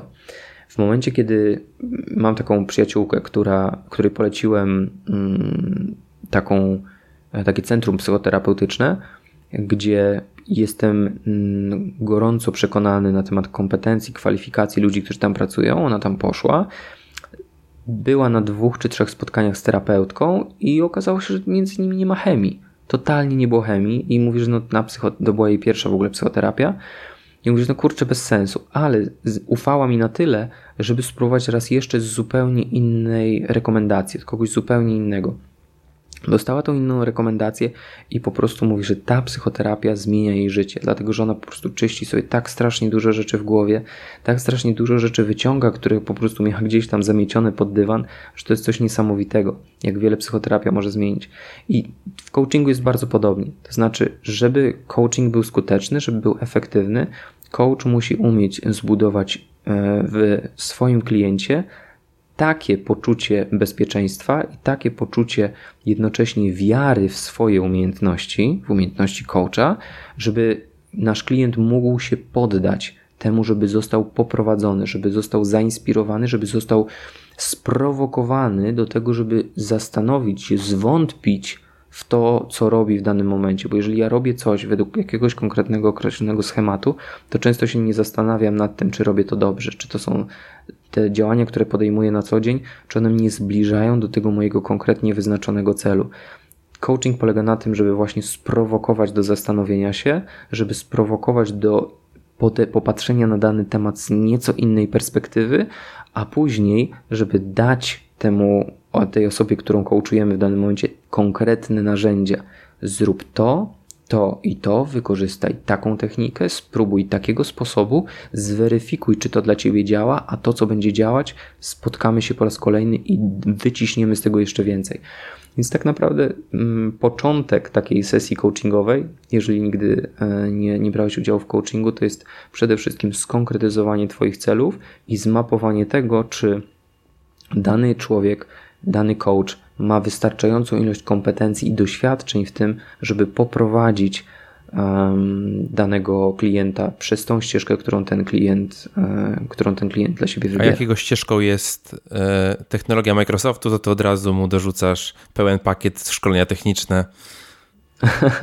Widzisz, to jest, właśnie, to jest właśnie to, że w momencie, kiedy masz e, klienta, który ma swoje określone cele i wiesz o tym, że on chce na przykład, że on chce na przykład mm, dostać konkretną pracę w konkretnym zawodzie, na przykład w konkretnej firmie, to coaching jest taką bardzo płynną, mm, płynną dziedziną. To znaczy nie musisz tylko i wyłącznie ograniczać się do technik coachingowych po to, żeby właśnie sprowokować do myślenia i tak dalej, tylko jeżeli jesteś naprawdę takim człowiekiem, z krwi i kości, człowiekiem, który jest rozwiązywaczem problemów, człowiekiem, który naprawdę bardzo chce pomóc swojemu klientowi, to ten coaching może się sprowadzić do tego, że słuchaj, stary, wiesz co, ja widzę, dokąd ty zmierzasz, świetnie e, i możemy nad tym popracować, ale prawda jest taka, że ja znam, e, mam kumpla, który poszukuje dokładnie takiego człowieka jak ty.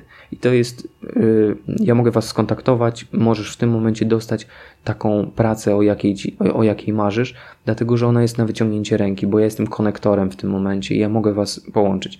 I tak naprawdę to, tego rodzaju przykład, to jest wbrew jakiejkolwiek E, szkole coachingowej i tak dalej, bo jeżeli klient się zapisuje na coaching, powinien być w procesie, który trwa przynajmniej pół roku bądź rok i spotykamy się cyklicznie, pracujemy nad konkretnymi rzeczami, e, wyznaczamy te cele, później przekazujemy sobie narzędzia związane z tym i tak dalej, i tak dalej.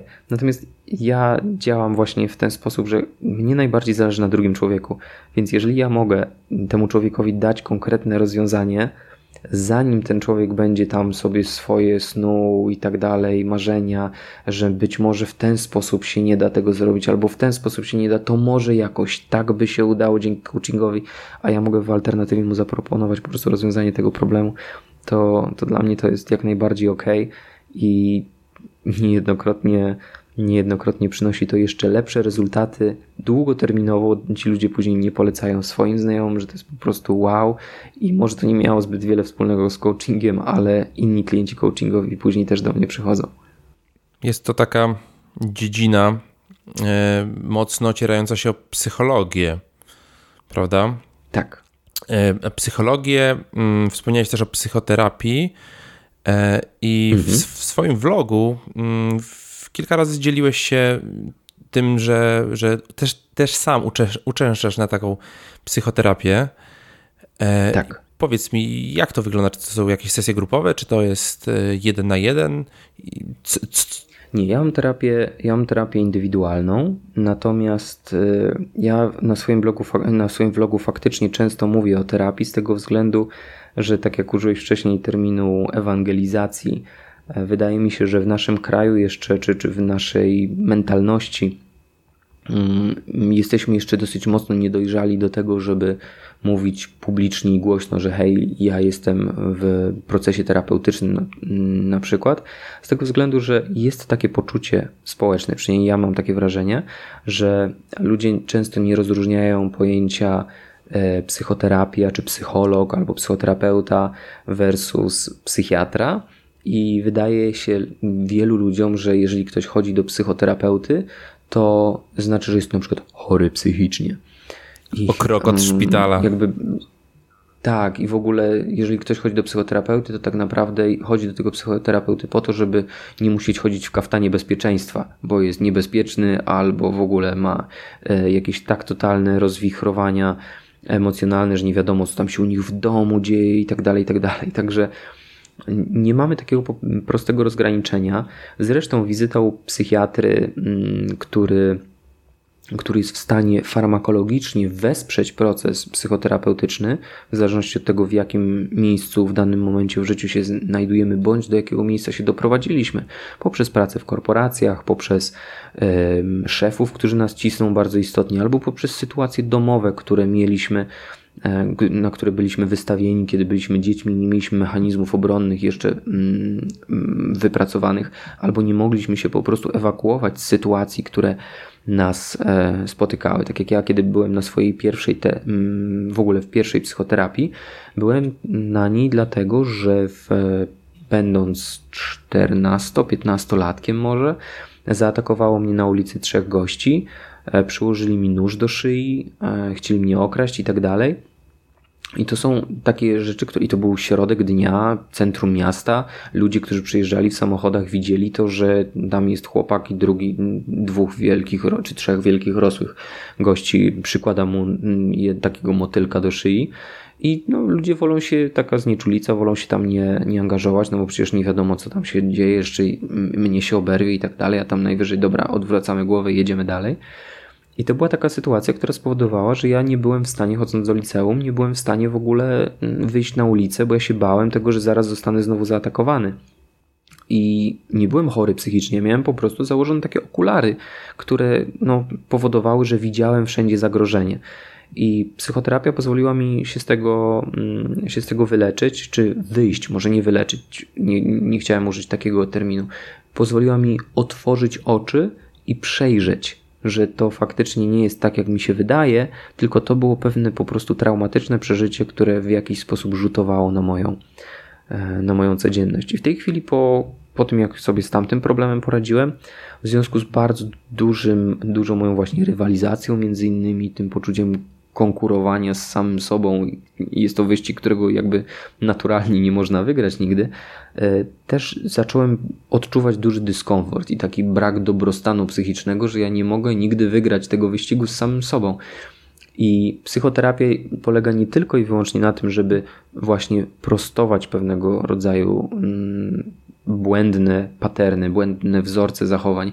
Nie polega tylko i wyłącznie na tym, żeby wymiatać coś spod dywanu, co gdzieś tam się odkłada, ale też, żeby rozwijać nasze konkretne kompetencje, żeby rozwijać nasze umiejętności, żeby pozwolić, ponieważ ja mam takie wrażenie, że jeżeli popatrzysz sobie na to jako na wykres, to mając mm, poziomą oś, która jest takim stanem neutralnym zupełnie, to mamy zawsze taką sinusoidę. Czasem jesteśmy ponad tym stanem, że jest super fajnie jest pełna ekscytacja, czasem jesteśmy troszkę niżej.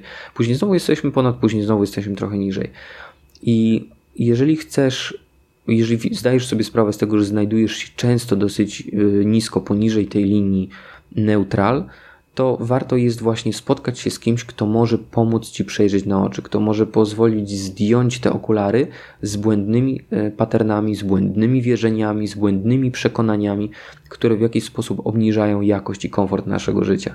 Natomiast zaraz po tym psychoterapia pozwala nam na to, żebyśmy zdali sobie sprawę z naszych potrzeb, z naszych potrzeb rodzinnych, z naszych potrzeb związkowych, z naszych potrzeb e, emocjonalnych bardzo często i wtedy wskoczyli na wyższy, e, na wyższy level, czyli jeszcze zaczęli się rozwijać. I tutaj w tym momencie dochodzimy i już zaczynamy za, e, zahaczać z powrotem o coaching. Czyli coach to jest człowiek, który zajmuje się czymś na kształt psychoterapii, ale psychoterapeuta wyciąga nas po to, żebyśmy mogli później jeszcze rozwijać się dalej. Natomiast coach to jest człowiek, który nam pokazuje, jak możemy sięgnąć jeszcze wyżej. I coach nie zajmuje się rozwiązywaniem problemów właśnie psychoterapeutycznych, psychicznych, e, nie może, tak jak psychoterapeuta, wystawić recepty, raczej nie wyśle swojego klienta do psychiatry. Jednocześnie trzeba pamiętać o tym też, że coaching jest zawodem niereglamentowanym, nieustrukturyzowanym w żaden sposób, nieuregulowanym. I dlatego właśnie coachem może nazwać się każdy.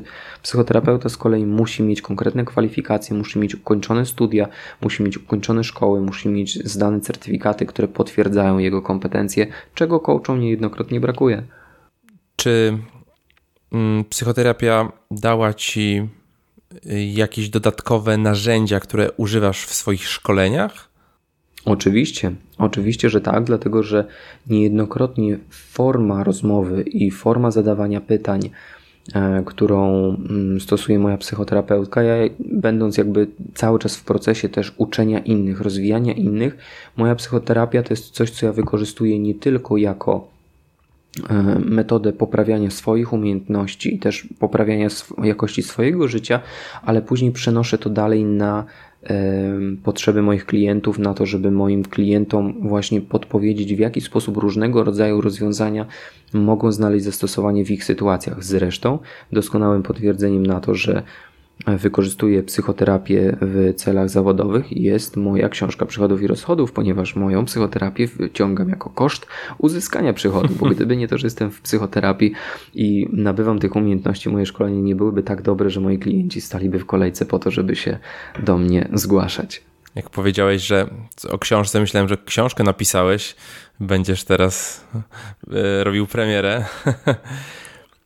Nie, jeszcze nie, aczkolwiek tutaj są, jest pewien development, o którym pewnie jeszcze usłyszysz, ale to jest jeszcze zbyt o, wczesny ciekawe. E, etap, żebyśmy mogli teraz o tym rozmawiać. Ciekawe, ciekawe.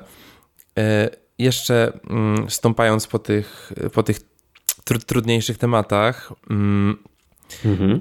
na vlogu, który prowadzisz codziennie, mm, pokazywałeś też takie dosyć smutne, traumatyczne przeżycie e, utraty bliskiej osoby. E, mhm.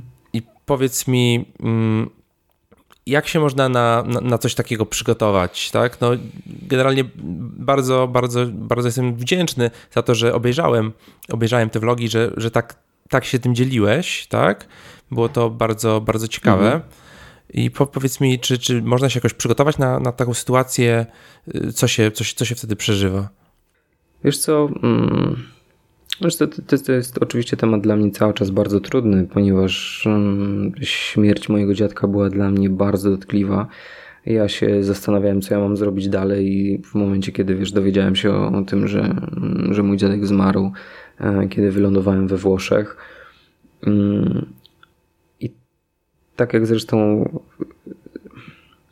no tak jak powiedziałem w tym odcinku, e, ja mógłbym robić oczywiście dobrą minę do złej gry i nic się nie stało, jedziemy dalej, ale jednym z elementów, który wydaje mi się, że jest bardzo mocno odpowiedzialny za, za mój sukces i w życiu, i właśnie na, mm, w relacjach z moimi klientami, z, czy z moim audytorium, w moim podcaście, na, na vlogu, e, w rodzinie, wśród znajomych, to jest to, że jestem bardzo szczery i generalnie co w duszy, to na języku.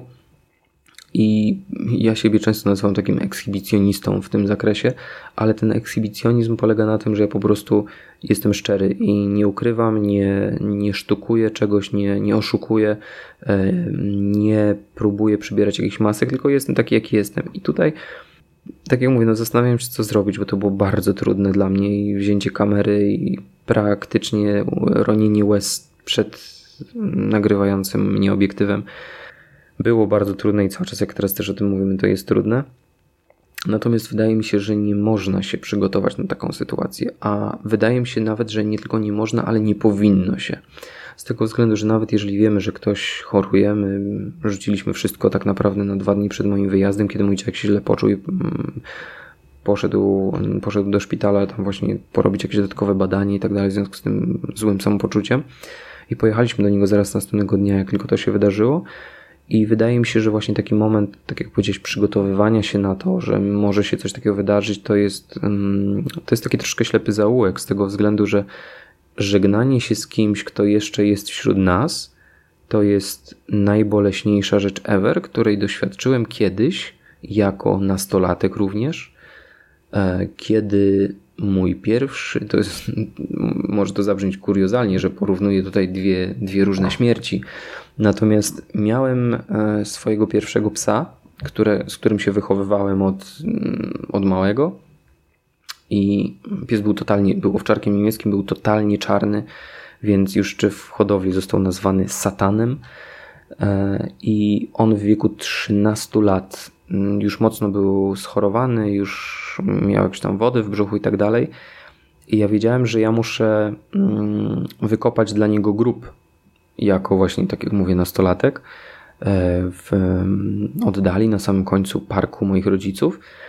I kopałem ten grób jesienią w takich strasznie ciężkich warunkach nie dość, że było zimno, to jeszcze glina tam i tak dalej, ciężko się przekopać, ja mam kilkanaście lat i e, skończenie tego, czy zrobienie sobie przerwy po to, żeby wrócić do domu, napić się jakiejś gorącej herbaty, czy soku, czy czegoś i pobawieniu się chwilę z tym psem, który wiadomo, że jeszcze dzień, dwa i trzeba go będzie uśpić, to to jest koszmarne przeżycie. I to jest koszmarne przeżycie, jeśli chodzi o zwierzę i nie chcę tego nawet przyrównywać do przygotowywania się na śmierć kogoś bliskiego, jeżeli my o tej śmierci wiemy.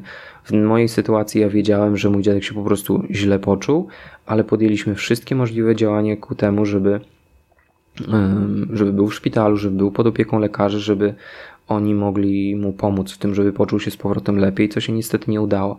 A żegnanie się z ludźmi, którzy jeszcze są wśród nas, to, to nie jest dobre rozwiązanie w moim odczuciu. Trzeba wykorzystać bycie z nimi jak tylko możemy. Tak jak my, kiedy rzuciliśmy wszystko i pojechaliśmy na dwa dni do, do mojego domu rodzinnego e, i do mojej rodzinnej miejscowości, gdzie, gdzie mieszkają moi dziadkowie, a teraz mieszka moja babcia. Dzięki wielkie za podzielenie się tym trudnym, trudnym, mhm. trudnym tematem. Już myślę, że tutaj najistotniejszym w tym wszystkim jest to, żeby e, mimo tego, że nie możemy się przygotować, to, to później, kiedy już radzimy sobie z tą, e, z tą żałobą, to myślę, że warto mieć też na uwadze to, jak my byśmy się zachowywali w takiej sytuacji, gdyby przyjąć taką koncepcję, że nie wiem, na przykład są duchy, czy dusze, czy niebo, czy piekło, czy cokolwiek innego, że ci ludzie, którzy nas po swojej śmierci na przykład obserwują i żyć dalej tak, żeby oni byli z nas dumni. E, bo wydaje mi się, że w momencie, kiedy my jesteśmy czy dziećmi, czy rodzicami, czy partnerami, i w momencie, kiedy byśmy odeszli, to tak samo chcielibyśmy, żeby po prostu ludzie, którzy są nam bliscy, żeby oni robili po prostu swoje i żeby, żebyśmy my mogli być dumni z nich. Dzięki. E, jesteśmy cały czas w temacie, poruszamy temat e, Twojego vlogowania, tak? Twojej transparentności, mhm. pokazujesz, e, pokazujesz dosyć dużo, dzielisz się bardzo ciekawymi mm, spostrzeżeniami, też często lifehackami. I powiedz, od kiedy, od kiedy robisz vloga? Po co to robisz? Co cię motywuje? Vloga nagrywam od lipca zeszłego roku, czyli jakieś 200 parę dni w tej chwili.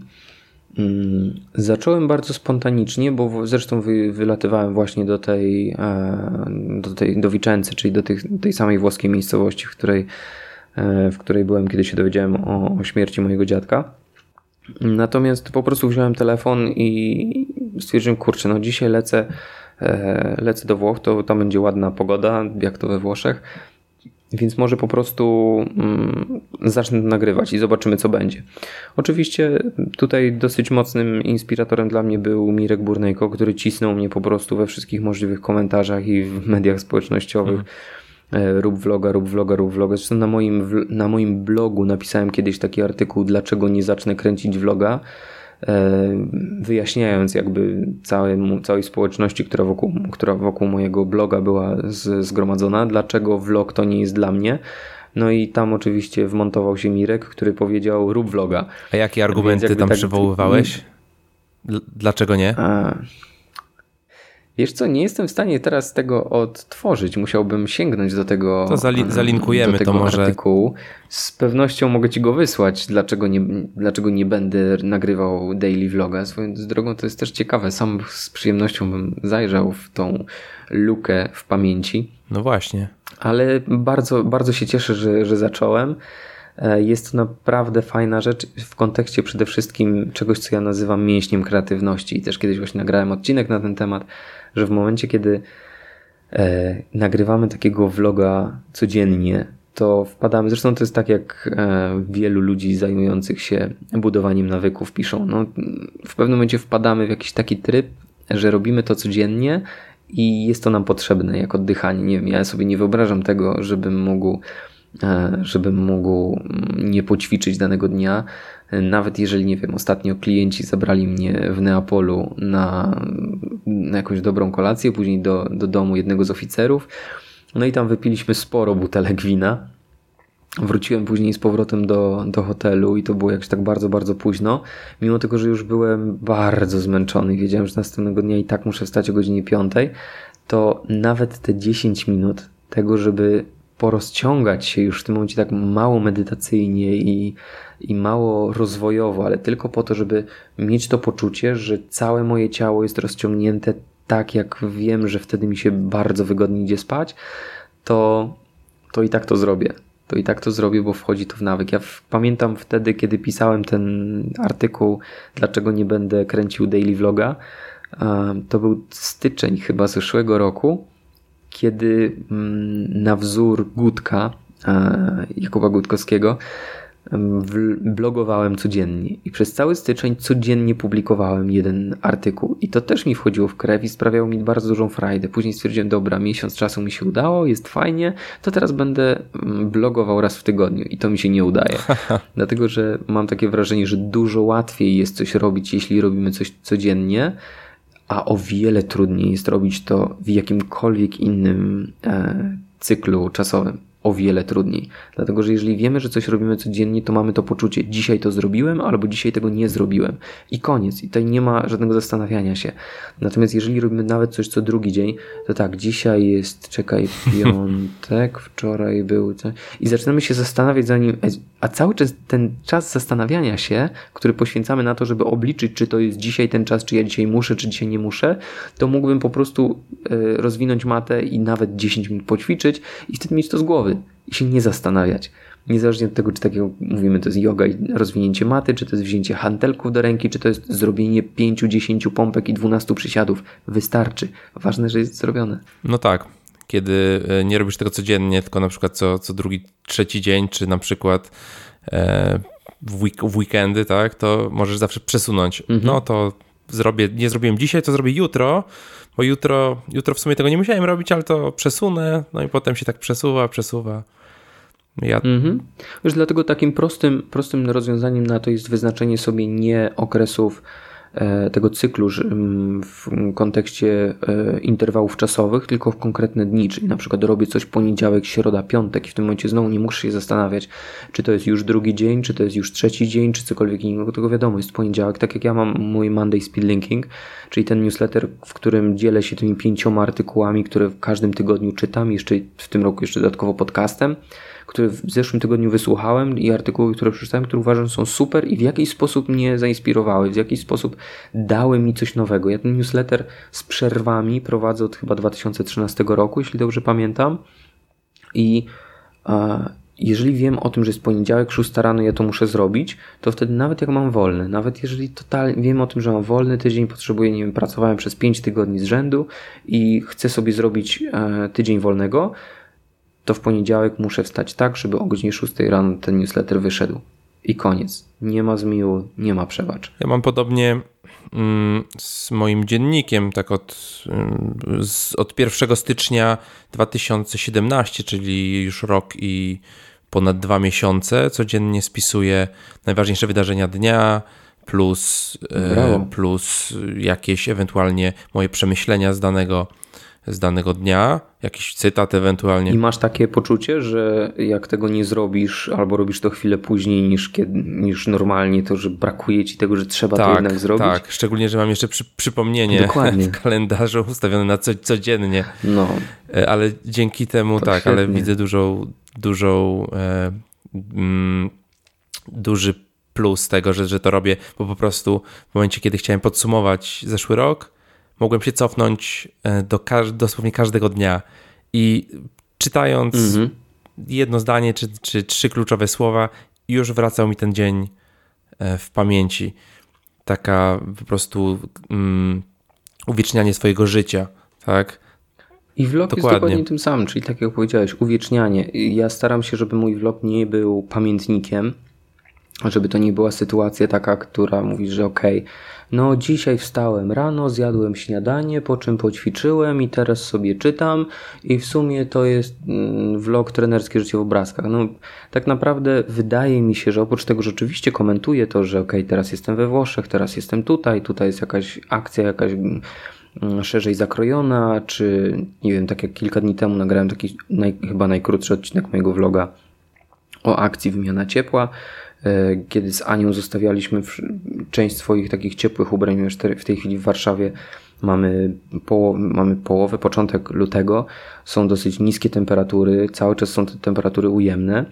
I jest takie miejsce w Warszawie, czy są takie miejsca, pewnie jest ich więcej, gdzie można zostawić swoje rzeczy i ludzie, którym jest zimno, mogą podejść i, i takie rzeczy sobie zabrać i się ubrać, żeby im było ciepło w końcu. I ja nagrywam czasem takie odcinki związane właśnie z tym, co robię w danym momencie, ale wydaje mi się, że jednak mimo wszystko cały ten content, który publikuję, to jest content typu evergreen, czyli niezależnie od tego, on jest zawsze świeży. Czyli niezależnie od tego, czy otworzysz sobie odcinek dzisiaj z 7 mm, lutego, czy otworzysz sobie odcinek z 12 sierpnia, to cały czas to będą rzeczy związane z jak, w jakiś sposób komunikacją, czy też e, relacjami interpersonalnymi, tak żeby to mogło przynieść Tobie jako widzowi jakąś e, dodaną wartość i ja bardzo dużo uwagi do tego, do tego przykładam. Miałeś jakiś dyskomfort, kiedy chodziłeś między ludźmi i gadałeś do telefonu czy do aparatu? Tak, tak, oczywiście, że tak. Na, na początku, wiesz, jak zaczynałem nagrywać swojego vloga, mm, nagrywałem go telefonem. Tak jakoś była, jak teraz sobie oglądam po prostu te pierwsze vlogi raz na jakiś czas dla samego faktu zażenowania się była po prostu koszmarna. Niektórych nic nie było słychać. Tak, tak, tak. Wiesz, no ja nigdy nie miałem żadnych dość, ale ani pół gram. Jeszcze startowałem z podobnego poziomu jak z jogą wtedy na samym początku. Nie miałem pół grama. Ja w ogóle nie mam żadnych umiejętności graficznych, nie mam żadnych umiejętności e, takiego tworzenia tego rodzaju kontentu, więc startowałem od zera. Na początku e, nagrywałem tego vloga tylko i wyłącznie z telefonu. Jestem super wdzięczny Y, sobie, że zacząłem właśnie w ten sposób. Nie czekałem do tego, żeby wykupić sobie kamerę, żeby sobie kupić mikrofon, e, żeby to wszystko zorganizować, żeby przyjść jakieś szkolenie, nie wiem, z tego jak obrabiać tego vlogi, tylko po prostu zacząłem to robić, bo gdybym wtedy tego nie zaczął robić, to nie byłbym tutaj, gdzie, gdzie jestem dzisiaj. Obejrzeć 10 sezonów no vlogów 30 youtuberów.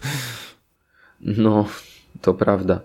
To prawda. Więc tak jak mówię, ja zacząłem kręcić na samym początku tego vloga telefonem i było to trudne, żeby iść z selfie stickiem i mówić do telefonu, dlatego że to jest postrzegane tak przez ludzi, ok, no nie wiadomo co. Później kupiłem sobie aparat, do którego zacząłem mówić, to już było troszkę lepiej. Natomiast w momencie, kiedy zrobiłem sobie taki zestaw E, vlogerski, to znaczy mam ten aparat na szynie, na szynie jest również mikrofon, jest do tego e, rejestrator dźwięku i to wszystko wygląda jak taki mikroskopijny zestaw telewizyjny, to w tym momencie ludzie, którzy o, przechodzą obok, oni już tak patrzą, i mówią, ok, dobra, to już nie jest tak, że ja sobie e, robię dziubek i strzelam selfiaczka, tylko tutaj się robi coś, to jest jakaś taka mikrotelewizja. I w tym momencie to zainteresowanie jest inne, ale ono jest jakby mniej, mm, odczuwa mniej takiej jakby dyskredytacji w e, oczach ludzi, którzy przechodzą, aczkolwiek bardzo pięknie i bardzo dużo zmieniło w moim vlogowaniu e, to, co powiedział, będąc chyba w Holandii, jeśli dobrze pamiętam, bądź w Danii, Peter McKinnon z e, Casey Neistatem którzy powiedzieli o tym, że w momencie, kiedy oni nagrywają vlogi na ulicy, to oczywiście, że oni też czują dyskomfort z tym, żeby mówić do kamery w środku e, zatłoczonego chodnika czy skrzyżowania, czegokolwiek innego. Ale oni tam powiedzieli bardzo proste zdanie: You have to own it. Czyli musisz panować nad tym, musisz e, pokazać, że jesteś panem tej sytuacji. I w momencie, kiedy ja w tej chwili na przykład idę z tym swoim, z tą swoją kamerą i mówię o tym, że to jest trenerskie życie w obrazkach, na którym rozmawiamy o skutecznej komunikacji i tak dalej, i tak dalej, to zdaję sobie sprawę z tego, że w momencie, kiedy odczuwam na sobie wzrok drugiego człowieka, który tak patrzy, wiesz, na oczach mu się wyświetla takie what the fuck, co tu się dzieje w ogóle, dlaczego ten koleś idzie i mówi do siebie albo do jakiegoś tam właśnie dokładnie, mikrofonu, idzie na psychoterapię. w kierunku zmierza. tak, dokładnie, bo, bo przecież jest chory psychicznie, założyć mu kaftan i tak dalej to w tym momencie sobie myślę zawsze, god damn it, przecież ja tutaj, ja dostarczam wartość ludziom, którzy za chwilę tego vloga obejrzą, więc wartość, którą dostarczam przewyższa o wiele, wiele razy y, to zdziwienie, czy też być może dyskomfort, w który wprowadzam człowieka, który patrzy i jest zdziwiony, co tu się dzieje, w ogóle o co chodzi. Więc w momencie, kiedy te dwie rzeczy sobie skategoryzuję i, i, w jakiś sposób uplasuję je na różnych pozycjach, to wartość, którą dostarczam, przewyższa to wielokrotnie i tego się trzymam po prostu i będę się tego trzymał kurczowo. Zdarzyło ci się kiedyś, że ktoś cię zaczepił i zapytał się, co robisz, co, co nagrywasz? Yy, parę razy tak, natomiast widać to fajnie w odcinku mojego vloga, który jest zatytułowany Dlaczego tyle latam, e, gdzie ja nagrywałem vloga na, na lotnisku, to było chyba o Kencie u nas w Warszawie. E, tak, to było nasze okęcie i siedziałem sobie na lotnisku, nagrywałem tego vloga, po czym wszedł mi koleś e, w obiektyw, wprost w kadr i mówi yeah, yeah, exactly right, bardzo dobrze. więc, e, więc tak, bywa, bywa czasem wesoło, bywa czasem wesoło. Kiedyś właśnie też w Wiczęcy, nie wiem dlaczego ta Wiczęca się cały czas pojawia. Lecę tam za dwa dni, więc być może też dlatego gdzieś jest bardzo blisko, e, blisko mojej uwagi. Więc w Wiczęcy też jeden z, mm, jeden z koordynatorów ośrodka, który się tam e, znajduje. Mm, też jak wychodziłem właśnie na taki wieczorny spacer, on był przed hotelem i mówi: O, stary, co ty tu robisz? I w ogóle też się znamy już dłuższy czas. Ja mówię, no to dawaj tutaj, chcesz być na moim vlogu? I ten mówi, o stary, w życiu nie byłem na vlogu, no super i tak dalej, czekaj, zrobię zdjęcie, jak mnie kręcisz na vlogu. Więc tak, ludzie, którzy rozumieją, czym jest vlog, bardzo pozytywnie reagują. Ale to jest w ogóle niesamowita, mm, niesamowity obrót sytuacji, że w tym momencie każdy ma w kieszeni e, telewizję live, tak? Wyciąga telefon tak. i po prostu on jest w telewizji. Tak, Dokładnie. Potocz, potocznie Dokładnie, mówiąc, tak. tak. To jest mm -hmm. naprawdę mm -hmm. niesamowite narzędzie i co widać, tak, po, po różnych ludziach, którzy, którzy zaczęli vlogować, jakie społeczności zbudowali e, wokół siebie. E, Oczywiście, ale najistotniejsze w tym wszystkim jest cały czas właśnie pamiętanie o tym, że to chyba e, też Gary Vaynerchuk mówił w jednym z, pisał o tym w jednej z swoich książek, że mm, nie można być jak pływak, który e, siedzi na brzegu basenu i moczy tylko stopy i po pół roku się zastanawia, dlaczego nie ma dobrych wyników. Więc jeżeli chcemy się nauczyć być dobrymi w tym, co robimy, trzeba po prostu wskoczyć do tego basenu i zacząć się pluskać i wtedy zobaczyć, co z tego wyjdzie dalej, bo być może się okaże, że vlogowanie czy też dowolny inny projekt nie jest po prostu dla nas i absolutnie nie sprawia nam żadnej radości, ale najpierw trzeba spróbować. Ja spróbowałem nagrywać mojego vloga telefonem. E, zauważyłem od razu odzew, zauważyłem, że ludzie klikają subskrybuj, ja chcę wiedzieć więcej, ja chcę być notyfikowany o tym, jak Ludwik coś tam nagra nowego. Ja klikam łapkę w górę i to jest zaangażowanie, które zaczęło się budować. I to była dla mnie największa motywacja i cały czas jest największą motywacją.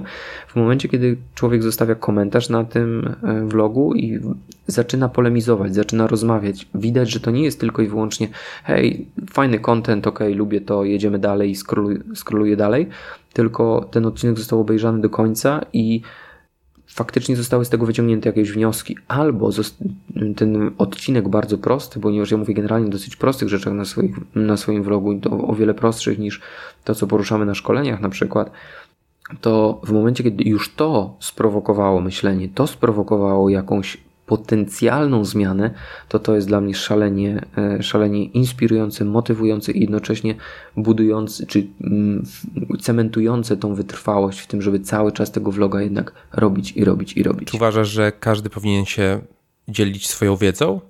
Jeżeli nawet nie jest zawodowym szkoleniowcem, coachem, e, nie studiował na Oksfordzie, nie szkoli amerykańskiej armii. Już każdy z nas y, jest totalnie unikalną jednostką i wydaje mi się, że tak czuję, że każdy człowiek, jeżeli wystarczająco e, dobrze by siebie zaprezentował, i nie mówię tutaj oczywiście właśnie tak jak o sztuce prezentacji i o mm, budowaniu jakiegoś wizerunku przepotężnego z wykorzystaniem tych wszystkich narzędzi i online'ów i tak dalej, w momencie, kiedy mm, nawet w rodzinie jest to rodzina gdzieś na jakiejś małej wsi na przykład i tak dalej, to można w tej rodzinie mieć wujka, który może nie jest jakimś super mega mm, Batmanem czy Supermanem w naszym otoczeniu, ale po prostu bardzo go szanujemy jest dla nas wzorem. I każdy człowiek w jakimś aspekcie swojego życia może być wzorem i gdybyśmy się zastanowili nad tym, co jest, z czego my sami jako ludzie jesteśmy dumni w swoim własnym zachowaniu, w swoim własnym sposobie prowadzenia i przeżywania życia,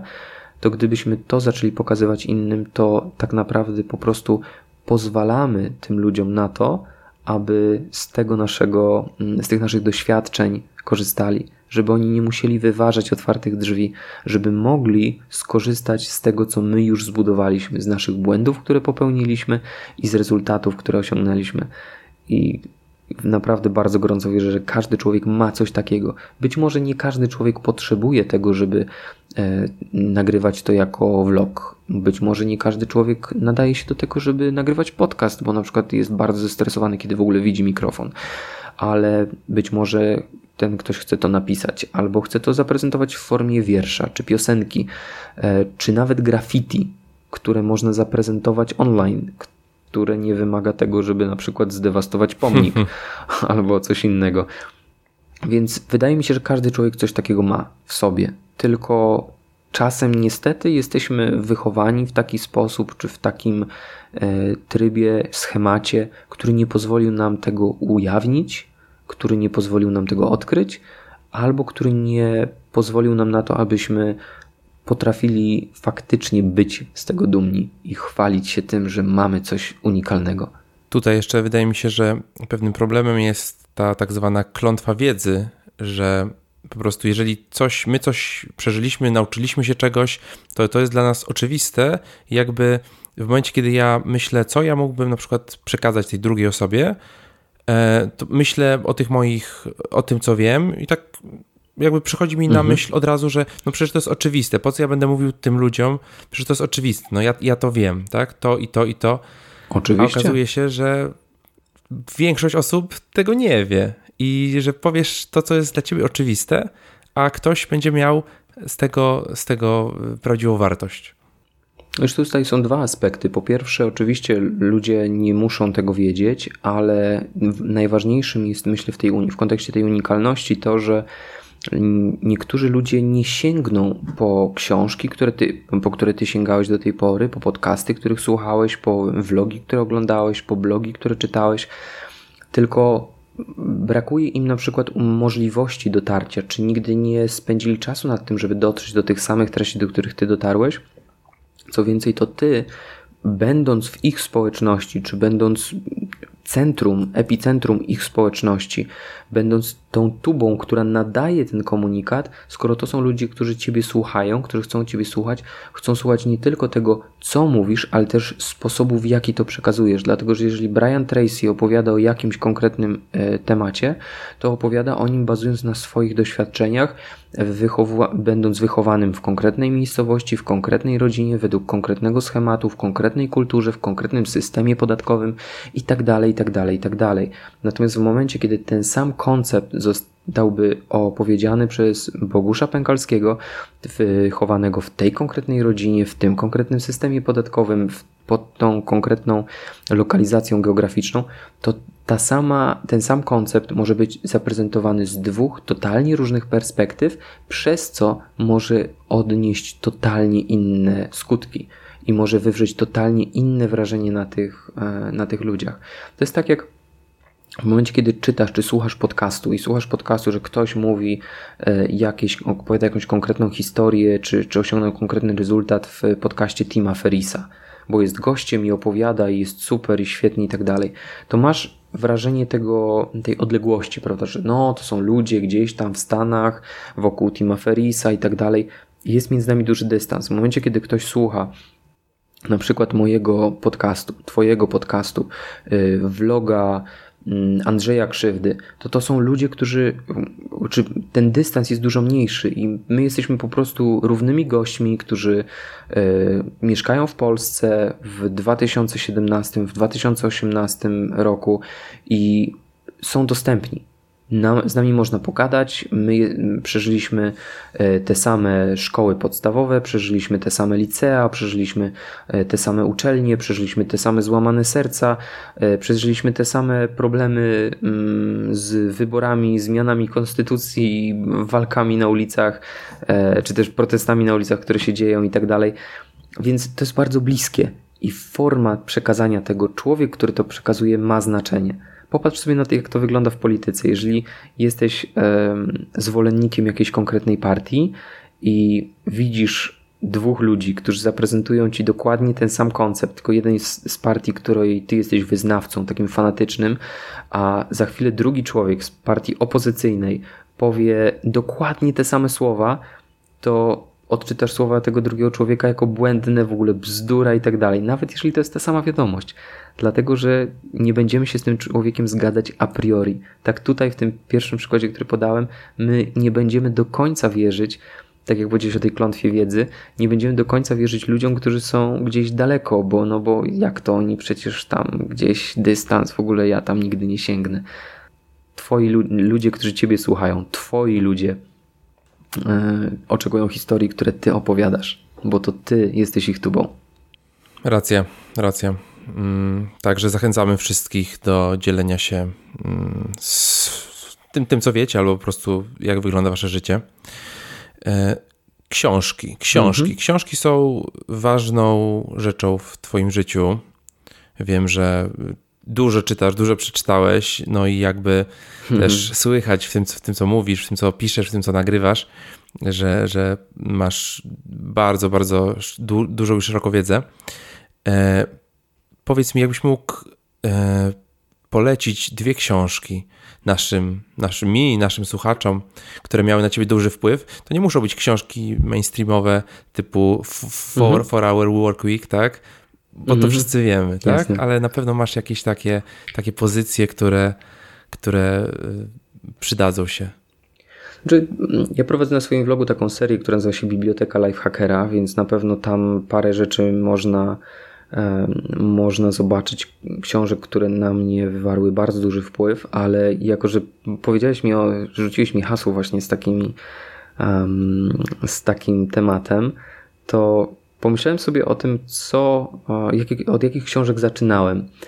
I wydaje mi się, że oczywiście, żeby nie powtarzać tego, co, co jest u mnie na vlogu, bo tu twoi słuchacze e, mogą również do tego, tego sięgnąć jak najbardziej, natomiast Wydaje mi się, że dwie takie książki, które, e, po które sięgam najgłębiej w odmętach swojej pamięci, od momentu, kiedy zacząłem e, bardzo intensywnie studiować tematykę właśnie budowania relacji, rozwijania siebie, to są książki um, Love is the Killer App Tima Sandersa, czyli książka, która właśnie mówi o tym, w jaki sposób, um, w jaki sposób troszczyć się o innych, w jaki sposób stawiać drugiego człowieka na takim piedestale, nazwijmy to, i w momencie, kiedy ten człowiek poczuje się dla nas e, tak bardzo ważny, tak e, bardzo istotny, to będzie nam dużo łatwiej budować właśnie wszelkiego rodzaju relacje biznesowe i e, prywatne również. Więc chyba Love is the Killer App Tima, Sand Tima Sandersa jako taka pierwsza pozycja. Natomiast pierwszy audiobook, którego wysłuchałem wielo, wielo, wielokrotnie, to jest e, The Luck Factor mm, Brian, Briana Tracy'ego. To jest chyba Briana Tracy'ego pozycja. The Luck Factor. Mm, to jest książka, której nigdy nie przeczytałem, tylko właśnie przesłuchałem ją, ale w, e, to, co jest bardzo istotne w książkach, myślę, że trzeba pamiętać o tym, że ta sama książka, czytana w różnym czasie, może przynieść zupełnie różne rezultaty. Dla mnie taką książką, która jest w ogóle mistrzostwem świata i dlatego od niej rozpocząłem E, bibliotekę Lifehackera to jest Think and Grow Rich, czyli Myśl i Bogać się i to jest książka, którą e, właśnie w tej chwili kończę, ponieważ zaczynam ją czytać co roku w styczniu e, i za każdym razem wyciągam z niej nową treść, dlatego że każdego roku stosuję czy wdrażam jakiś koncept, który po raz pierwszy w ogóle w tej książce w danym roku wyczytałem, bo jakoś tak dziwnym trafem nigdy wcześniej tych konceptów z poprzednich lat tam nie było. Ja również obecnie czytam w tym momencie. Jak ci się podoba? No bardzo, bardzo interesujące. Trochę czasami mnie nie wiem jak to, jak to ująć, bo tam pojawiają się mhm. takie, e, takie stwierdzenia jak na przykład rządza pieniądza, tak? Że musisz sobie mhm. zbudować rządzę pieniądza. To jest mhm. takie, no jakby ja nie czuję takiej, czuję jakąś tam powiedzmy potrzebę pieniędzy, tak? Ale e, ciężko mhm. mi jest e, jakąś taką. Wydaje mi się, że to jest trochę takie głupie. Raczej wszyscy mówią, że no pracuj tak, ale raczej bądź yy, skromny, tak? Nie, nie, nie tak, żądaj tych pieniędzy, po co ci te tym, pieniądze? Mhm. Wiesz co, tutaj trzeba e, mocno mieć taką, taki mały filtr, czy też zakładkę wrzuconą w tą książkę, że to jest książka sprzed ponad 100 lat. Tak, czyli może nie ponad chyba, tak mniej więcej. 100 lat, więc 100 lat temu ten mm, taki gen przedsiębiorczości nie był tak rozwinięty jak dziś, prawda? Dzisiaj bardzo wiele, mm, wiele osób, wielu ludzi, wielu słuchaczy Twojego podcastu, wielu widzów mojego vloga to są ludzie bardzo przedsiębiorczy. Ludzie, którzy mają własne działalności gospodarcze, którzy startują własne biznesy i tak dalej. Natomiast w momencie Wielkiej Depresji, w momencie, kiedy Napoleon Hill pisał tą książkę, to są e, momenty, kiedy większość ludzi to byli po prostu pracownicy e, etatowi, bardzo często właśnie mm, pracownicy fizyczni przeróżnego rodzaju firm zajmujących się budową kolei, budową fabryk, mm, tworzeniem produktów ze szkła i tak więc osób przedsiębiorczych było tam e, chyba odważy się powiedzieć, jak na lekarstwo.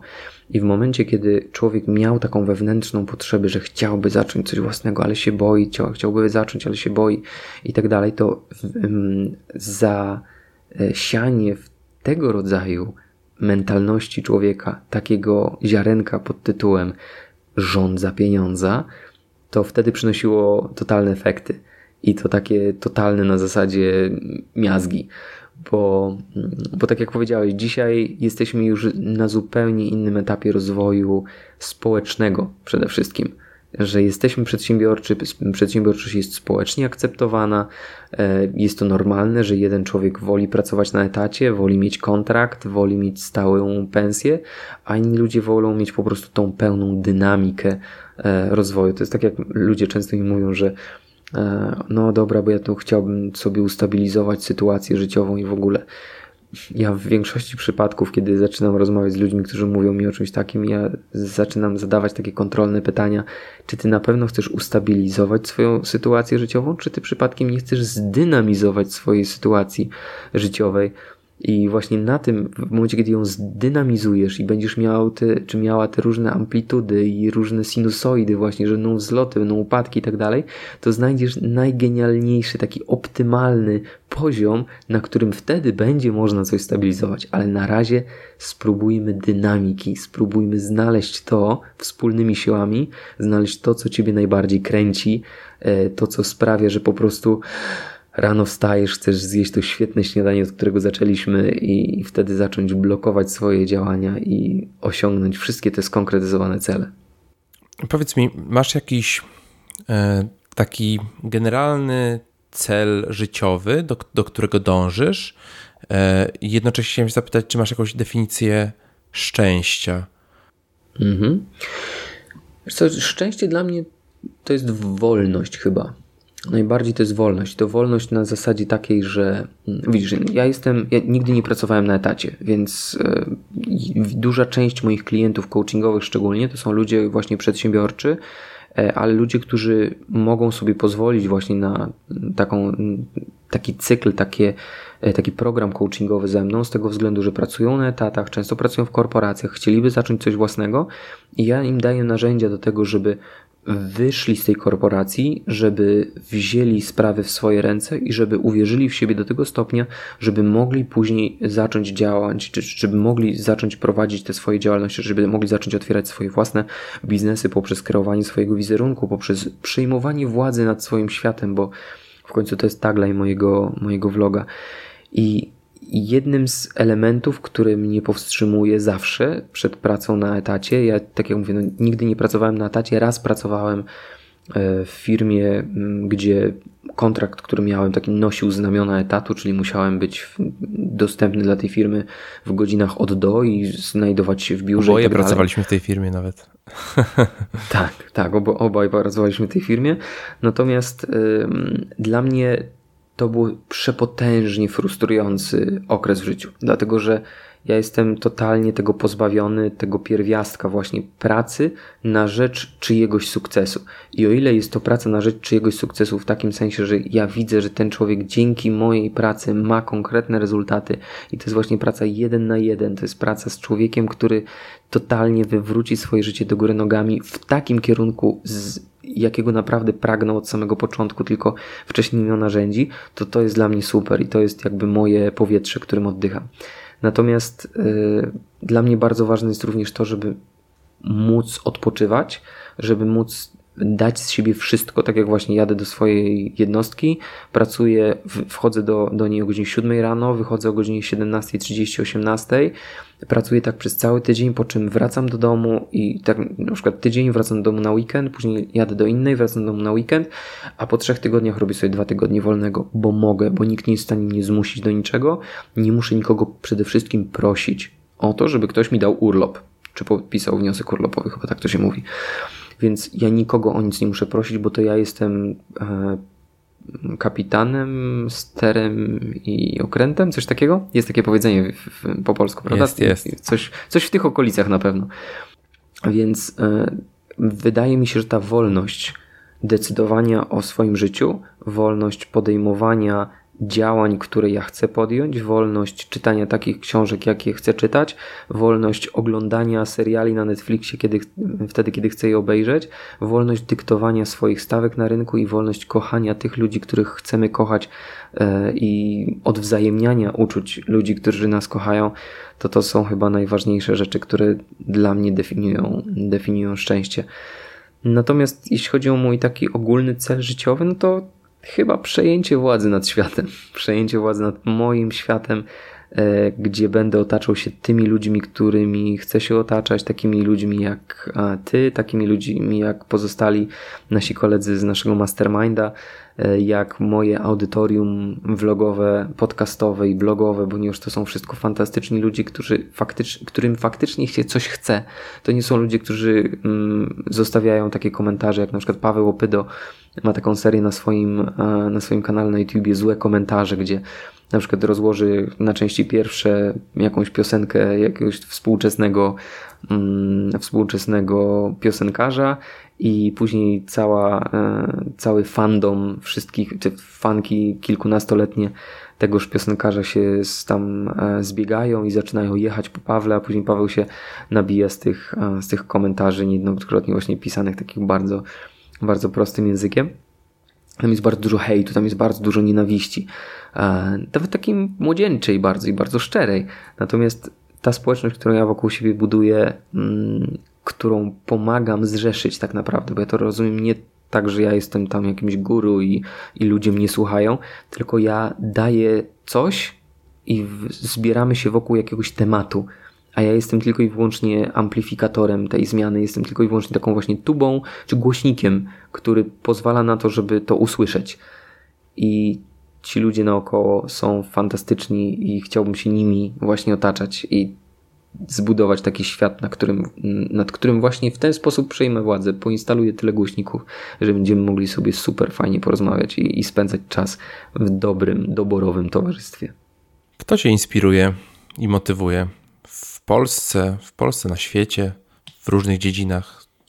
Mm, wiesz co, ja nie mam takich e, mm, nie mam takich mentorów e, na tym etapie. Oczywiście to, to się zmieniało przez cały czas mojego rozwoju, natomiast nie mam takich mentorów, których mógłbym wskazać, że na przykład, nie wiem, Gary Vee to jest mistrz świata, albo Tim Ferriss to jest mistrz świata i koniec każdy z tych ludzi, to jest, wiesz co, Bogusz, to jest dokładnie taka sama sytuacja, jak rozmawialiśmy wcześniej na temat tego, czy każdy powinien e, mhm. vlogować, czy, czy blogować, czy dzielić się swoim życiem.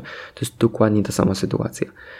E, wydaje mi się, czuję, sądzę, że każdy z ludzi, których książki czytamy, których posty czytamy, mm, podcastów słuchamy, vlogi oglądamy, to są, mm, to są ludzie, którzy mają coś do zaoferowania, i nawet jeżeli ten człowiek przez cały, przez cały rok robi jakieś tam rzeczy, ale napisze jeden tekst, który jest dla mnie w danym momencie mojego życia, w danym aspekcie, w którym wymagam jakiejś poprawy, czy potrzebuję jakiejś e, zmiany, potrzebuję właśnie jakiegoś amplifikatora. Jeżeli ten człowiek mi pomoże, to to jest mój mentor w tym momencie, to jest mój inspirator i ja temu człowiekowi jestem bardzo wdzięczny za ten konkretny jeden ruch. Ja mam taką sytuację, może tak postaram się to zanonimizować. E, była kiedyś taka sytuacja, w której ktoś mój znajomy mm, poprosił mnie o jakąś tam poradę, bo była tam sytuacja domowa, rodzinna, y, taka dosyć mało przyjemna i chodziło o relację małżeńską. I generalnie się tam nie układało i w ogóle i w ogóle. I ja oczywiście, jako że nie jestem w żaden sposób, tak jak mówię, nie jestem psychoterapeutą, nie, nie są tego, żeby terapeutyzować tutaj kogokolwiek, natomiast podrzuciłem tej osobie książkę.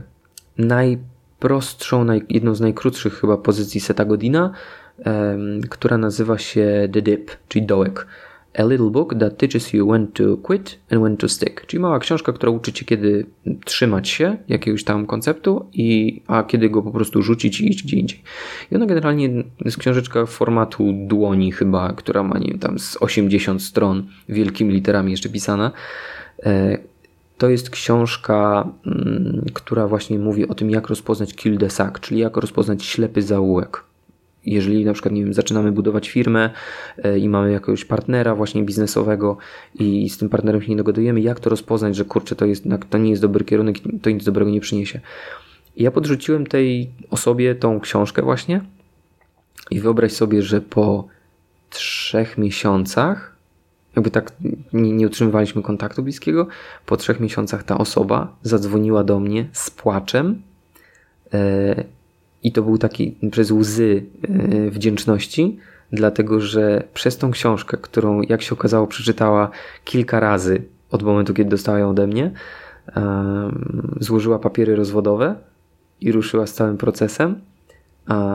I w momencie, kiedy te papiery złożyła i kiedy te papiery zostały podpisane i tak dalej, tam oczywiście, wiesz, jak to w rozwodach mhm. dosyć długo się to często, e, często e, dzieje. Natomiast w momencie, kiedy ta decyzja zapadła i ona była już de facto nieodwracalna, e, zadzwoniła do mnie właśnie przez łzy, mówiąc, że to jest najlepsza rzecz w życiu, jaka się jej wydarzyła, bo po raz pierwszy poczuła się, że ta osoba poczuła się, że faktycznie zaczyna żyć i dostaje drugą szansę i może wyjść z tego dwudziestoparoletniego związku e, i zaczyna oddychać pełną piersią. Ludzie zaczynają ją zauważać, ludzie zaczynają na nią inaczej patrzeć, a ona się czuje atrakcyjna, e, atrakcyjnym człowiekiem na, na rynku e, relacji interpersonalnych, powiedzmy.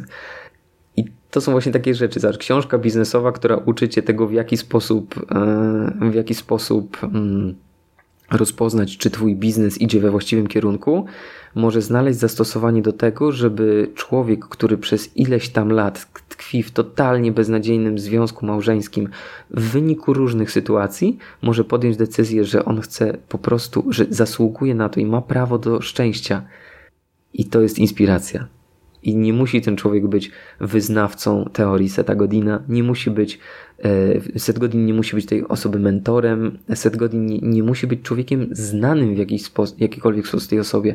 Ważne, że ktoś dotarł do tej osoby we właściwym czasie, we właściwym miejscu, z właściwą treścią. I ta treść po prostu zmieniła wszystko. W tej chwili minęło jakieś 7 lat chyba od tej sytuacji, 7-8 już chyba nawet. Mm, ta osoba jest w mega szczęściu. Była w międzyczasie w jakimś związku, później yy, zawiązała kolejny jest w tej chwili od chyba czterech czy pięciu w mega szczęśliwym związku. Ilekroć się spotykamy, ja dostaję takie mega, mega wielkie przytulenie yy, i za każdym razem wdzięczność za ten jeden moment, kiedy ja wręczyłem tą książkę. Udało jej się zdobyć władzę nad światem, nad jej światem. Tak, tak zdecydowanie prze... w końcu wzięła sprawy w swoje ręce i przejęła władzę nad światem, który przecież jest jej, bo każdy z nas ma swój. Tylko trzeba wiedzieć, że to my nad nim panujemy i mamy zawsze możliwość wyboru. Nawet jak się nam wydaje, że no nie da się tego zrobić, to zawsze się da. To jest tylko i wyłącznie kwestia tego, na ile jesteśmy przygotowani na to, żeby ponieść koszty swoich decyzji i wytrwać w tych decyzjach, które podejmujemy. A ewentualnie można po prostu pogadać z tobą. Jesteś dostępny w komentarzach na YouTubie. tak, oczywiście, oczywiście, że e, tak na YouTubie, na Twitterze, na Instagramie, praktycznie wszędzie oprócz chyba Snapchata, bo tam jednak Andrzej Krzywda przejął władzę nad całym Snapchatem. Dokładnie. Zresztą z Maćkiem Aniserowiczem na, na tej samej chyba pozycji. Ludwik, jeszcze chciałem cię zapytać e... o jedną rzecz. Na końcu cię, na, mhm. na końcu cię zareklamujemy. Wszystkie twoje kanały. Poczekaj jeszcze sekundę. E, jeszcze jedna rzecz na koniec, która mnie interesuje. E, czytasz dużo książek. E, i udaje ci się wyciągać z tych książek bardzo dużo wartości. I powiedz mi, czy masz jakieś sposoby, żeby wynieść maksymalnie dużo z książki? Ja obecnie staram się, wreszcie się przemogłem do tego, żeby zaznaczać w książce, podkreślać, zaznaczać jakieś fragmenty jakimiś powiedzmy skrótami, mhm. że tutaj jest jakaś ciekawa myśl, albo tu jest jakieś ciekawe pytanie, e, albo to jest ładnie napisane. E, czy masz jakieś, masz jakieś sposoby, jak czerpać maksymalnie dużo z książek? Wiesz co, na pewno bardzo trudno było mi na samym początku właśnie e, malować w książkach, dlatego że byłem wychowany w bardzo dużym szacunku do książek. Do tej pory zresztą nie wyobrażam sobie tego, żeby na przykład otworzyć książkę, odwrócić ją i taką rozłożoną położyć, tak żeby jej pognieść tam grzbiet i w ogóle. E, natomiast bardzo długo nie, nie potrafiłem mm, wziąć na przykład highlightera i coś podkreślić, bo wiedziałem, że to jest jakaś, w jakiś sposób profanacja e, tej książki, ale to jest właśnie kwestia wychowania.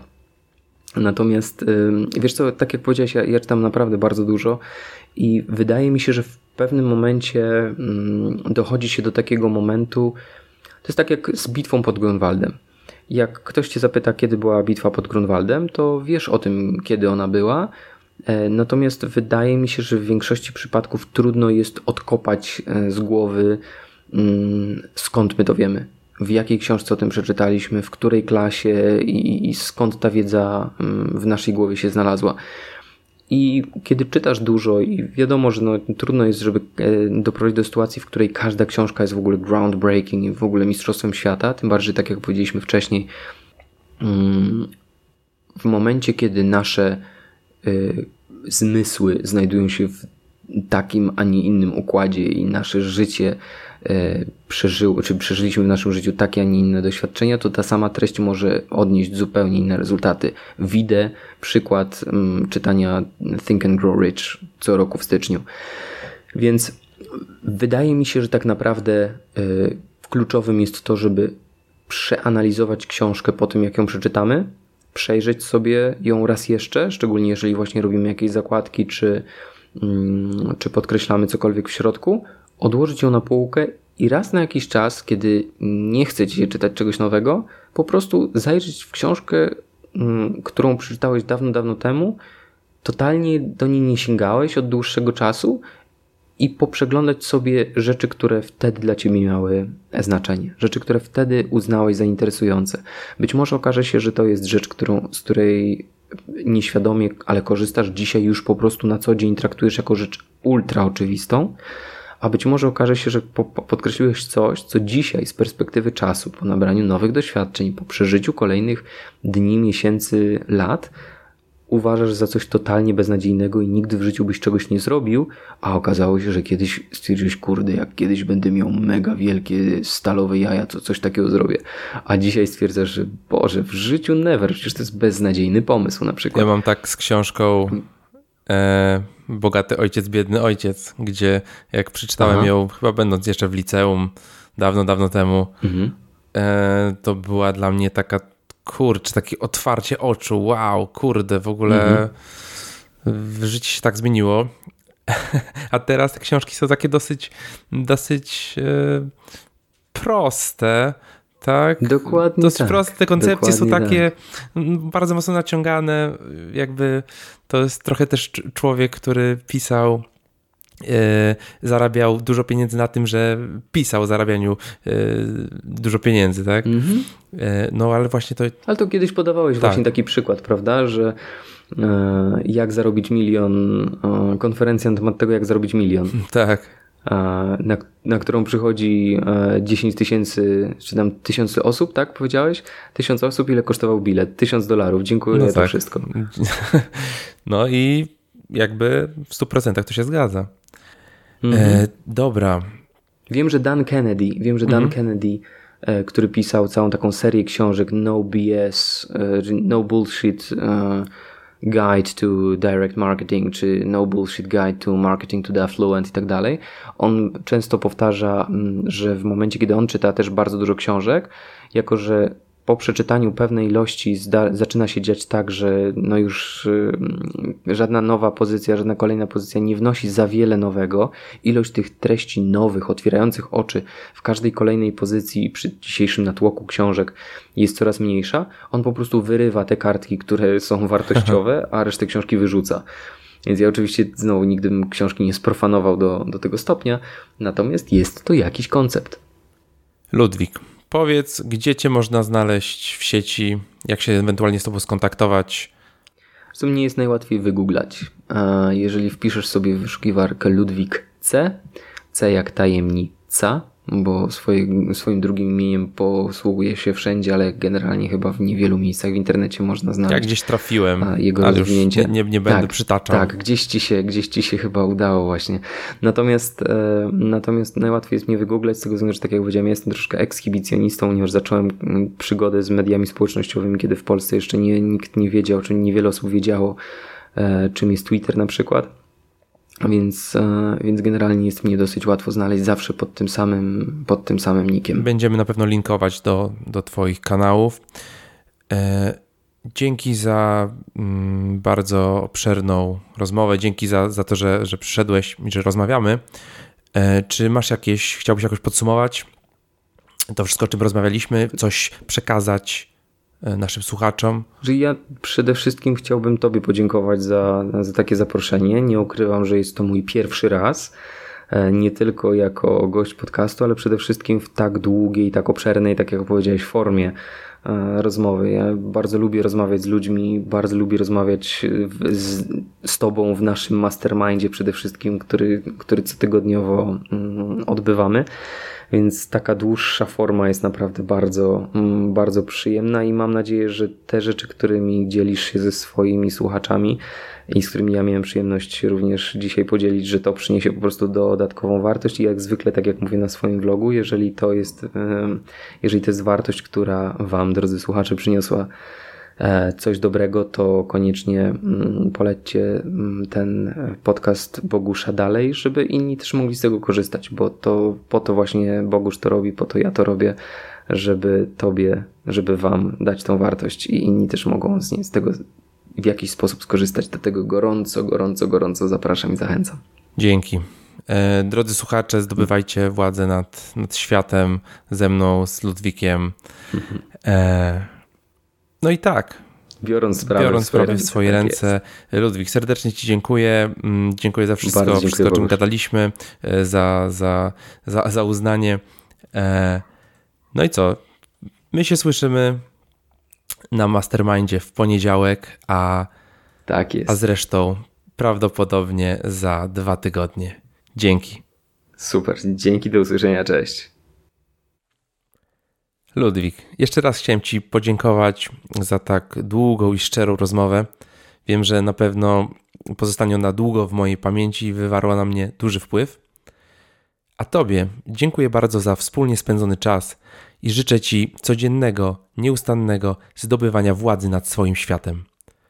Wszystko, o czym wspominamy w odcinku, znajdziesz w notatkach pod adresem startupmyway.com ukośnik 2, tak jak drugi odcinek podcastu.